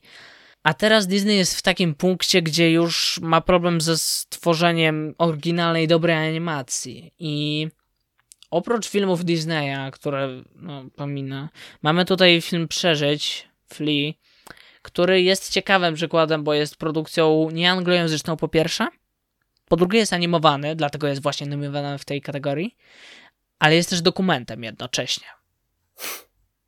Także jest to bardzo ciekawy przypadek i ja bardzo chciałbym się przejrzeć temu filmowi, ale on jeszcze nie miał polskiej premiery. Natomiast mamy tutaj także Michelowie kontra maszyny, czyli animację, którą omawiałem w podcaście w zeszłym roku. Nie wiem, czy pamiętasz, ale chciałem, żeby była nominowana do Oscara. I jest nominowana do Oscara. Wow. I jeżeli ten film wygra Oscara, to ja będę przeszczęśliwy. Tylko, że Disney ma tak powiedzmy trzy razy większe szanse na to, że akademicy wezmą go pod uwagę tutaj przy głosowaniu niż ten film, więc no niestety, bo trzeba, ale Michelowie kontra maszyny jest świetną animacją i ma animację niestandardową, troszeczkę przypominającą tą z, ze Spider-Mana Into the Spider wersji w ogóle. Ja zachęcam do oglądania tego filmu, bo tam jest na przykład Wspominałem o tym podczas recenzji, ale no jest świetna relacja brat-siostra. Od dawna w przypadku animacji takiej relacji rodzeństwa nie widziałem. Jest to coś super. A w takim naszym magicznym Encanto macie co? Macie babcię, którą szujowe zachowania są usprawiedliwiane traumą z przeszłości? No nie dziękuję. Nie, po prostu nie wiem. Tutaj mamy krótkometrażowy film aktorski, tu też nic z tego nie widziałem, ale jest tu ciekawy akcent w postaci tego, że jest nominowany film polski. Bo jest, mamy sukienkę polską, film y, krótkometrażowy aktorski, e, który jest dostępny na YouTubie, podobno. Więc można o. go tam zobaczyć. Mam zamiar, nie? Jeszcze nie zdążyłem. Dalej mamy krótkometrażowy film animowany. Tutaj widziałem dosłownie jeden film. Rudzik Rudzia. To jest film, który obejrzałem i według mnie nie wybija się on absolutnie niczym, więc tutaj nie wiem czemu dać mu Oscara, ale nie widziałem innych filmów, nie mam porównania. Yy, mamy też najlepszy pełnometrażowy film międzynarodowy, no i tutaj interesujący mnie Drive My Car, interesujący mnie Najgorszy Człowiek na świecie, interesujący mnie Flea, czyli Przeżyć, bo jest jednocześnie dokumentem, jest nominowany jako pełnometrażowy film narodowy i jako animacja, czyli w trzech kategoriach, więc robi się to coraz bardziej interesujące. I mamy też jakiś film y, Luna Jack in the Classroom, którego w ogóle nie kojarzę. I mamy Rękę Boga, który jest tutaj jeden filmem, który widziałem i który lubię. Jest to naprawdę dobry film, ale nie mam porównania z innymi, więc nie mogę nic więcej powiedzieć. Y, doku y, pełnometrażowe dokumenty także pozwolę sobie ominąć, bo tu nic nie widzieliśmy. Y, I mamy montaż, gdzie Psie Pazury, Diona, Don't Look Up, Tick Tick Boom, czyli druga nominacja dla Tick Tick Boom prócz Andrego Garfielda i King Richard, zwycięska rodzina. No i tutaj nie wiem, Duna ma, stoi pod kątem montażowym świetnie, Psie Pazury także. Don't Look Up ma ciekawą technikę prowadzenia kamery, narracji przycinania scen, ale nie wiem, czy to jest to. Tick Tick Boom za montaż dla mnie się nie wybiło. No i w praktyce to są nominacje. Jakby o. widziałem więcej filmów no właśnie od siebie, dobijamy dwie tak godziny tak i... Tak. Yy, na koniec można powiedzieć to, że zostało już wybrane trio, które będzie prowadzić Oscary. Mamy tu Regina Hall, Amy Schumer i Wanda Six i kojarzę tylko Regina Hall, ale też tak nie za bardzo, więc się nie wypowiem. E, nie kojarzę tych ludzi, nie, nie widziałem nic z nimi w ogóle, więc nie wiem jak poprowadzą galę Oscarów i nie wiem, co z tego wyjdzie. To może być gala ciekawa, i, ale mam jeszcze do obejrzenia sporo filmów w tym temacie. Musimy iść na Belfast. Najbardziej mnie ten Macbeth boli. Mm. Biorąc pod uwagę, ile rzeczy dostał, tak kurczę, no, no, obejrzałbym No, no, no, no. Tak. A mnie jeszcze bardzo interesuje na przykład Drive My Car, więc zobaczymy, co z tego wyjdzie. I ponieważ dobijamy do, tej, do tych parszywych dwóch godzin siedzenia tutaj i nasza energia zdążyła już drastycznie spaść, jeszcze jakiś czas temu śmieliśmy się z Transformersów, teraz już nie mamy na to siły, to chyba wypadałoby się pożegnać i powiedzieć do zobaczenia za tydzień, ale jako, że tak jako ostatnio to powiedziałem, to w sumie nie zobaczyliśmy, nie usłyszeliśmy się za tydzień, to powiem klasyczną, bezpieczną safety formułkę do usłyszenia w następnym odcinku. I tym sposobem się pożegnamy na dzisiaj. Trzymajcie się. Pa, pa.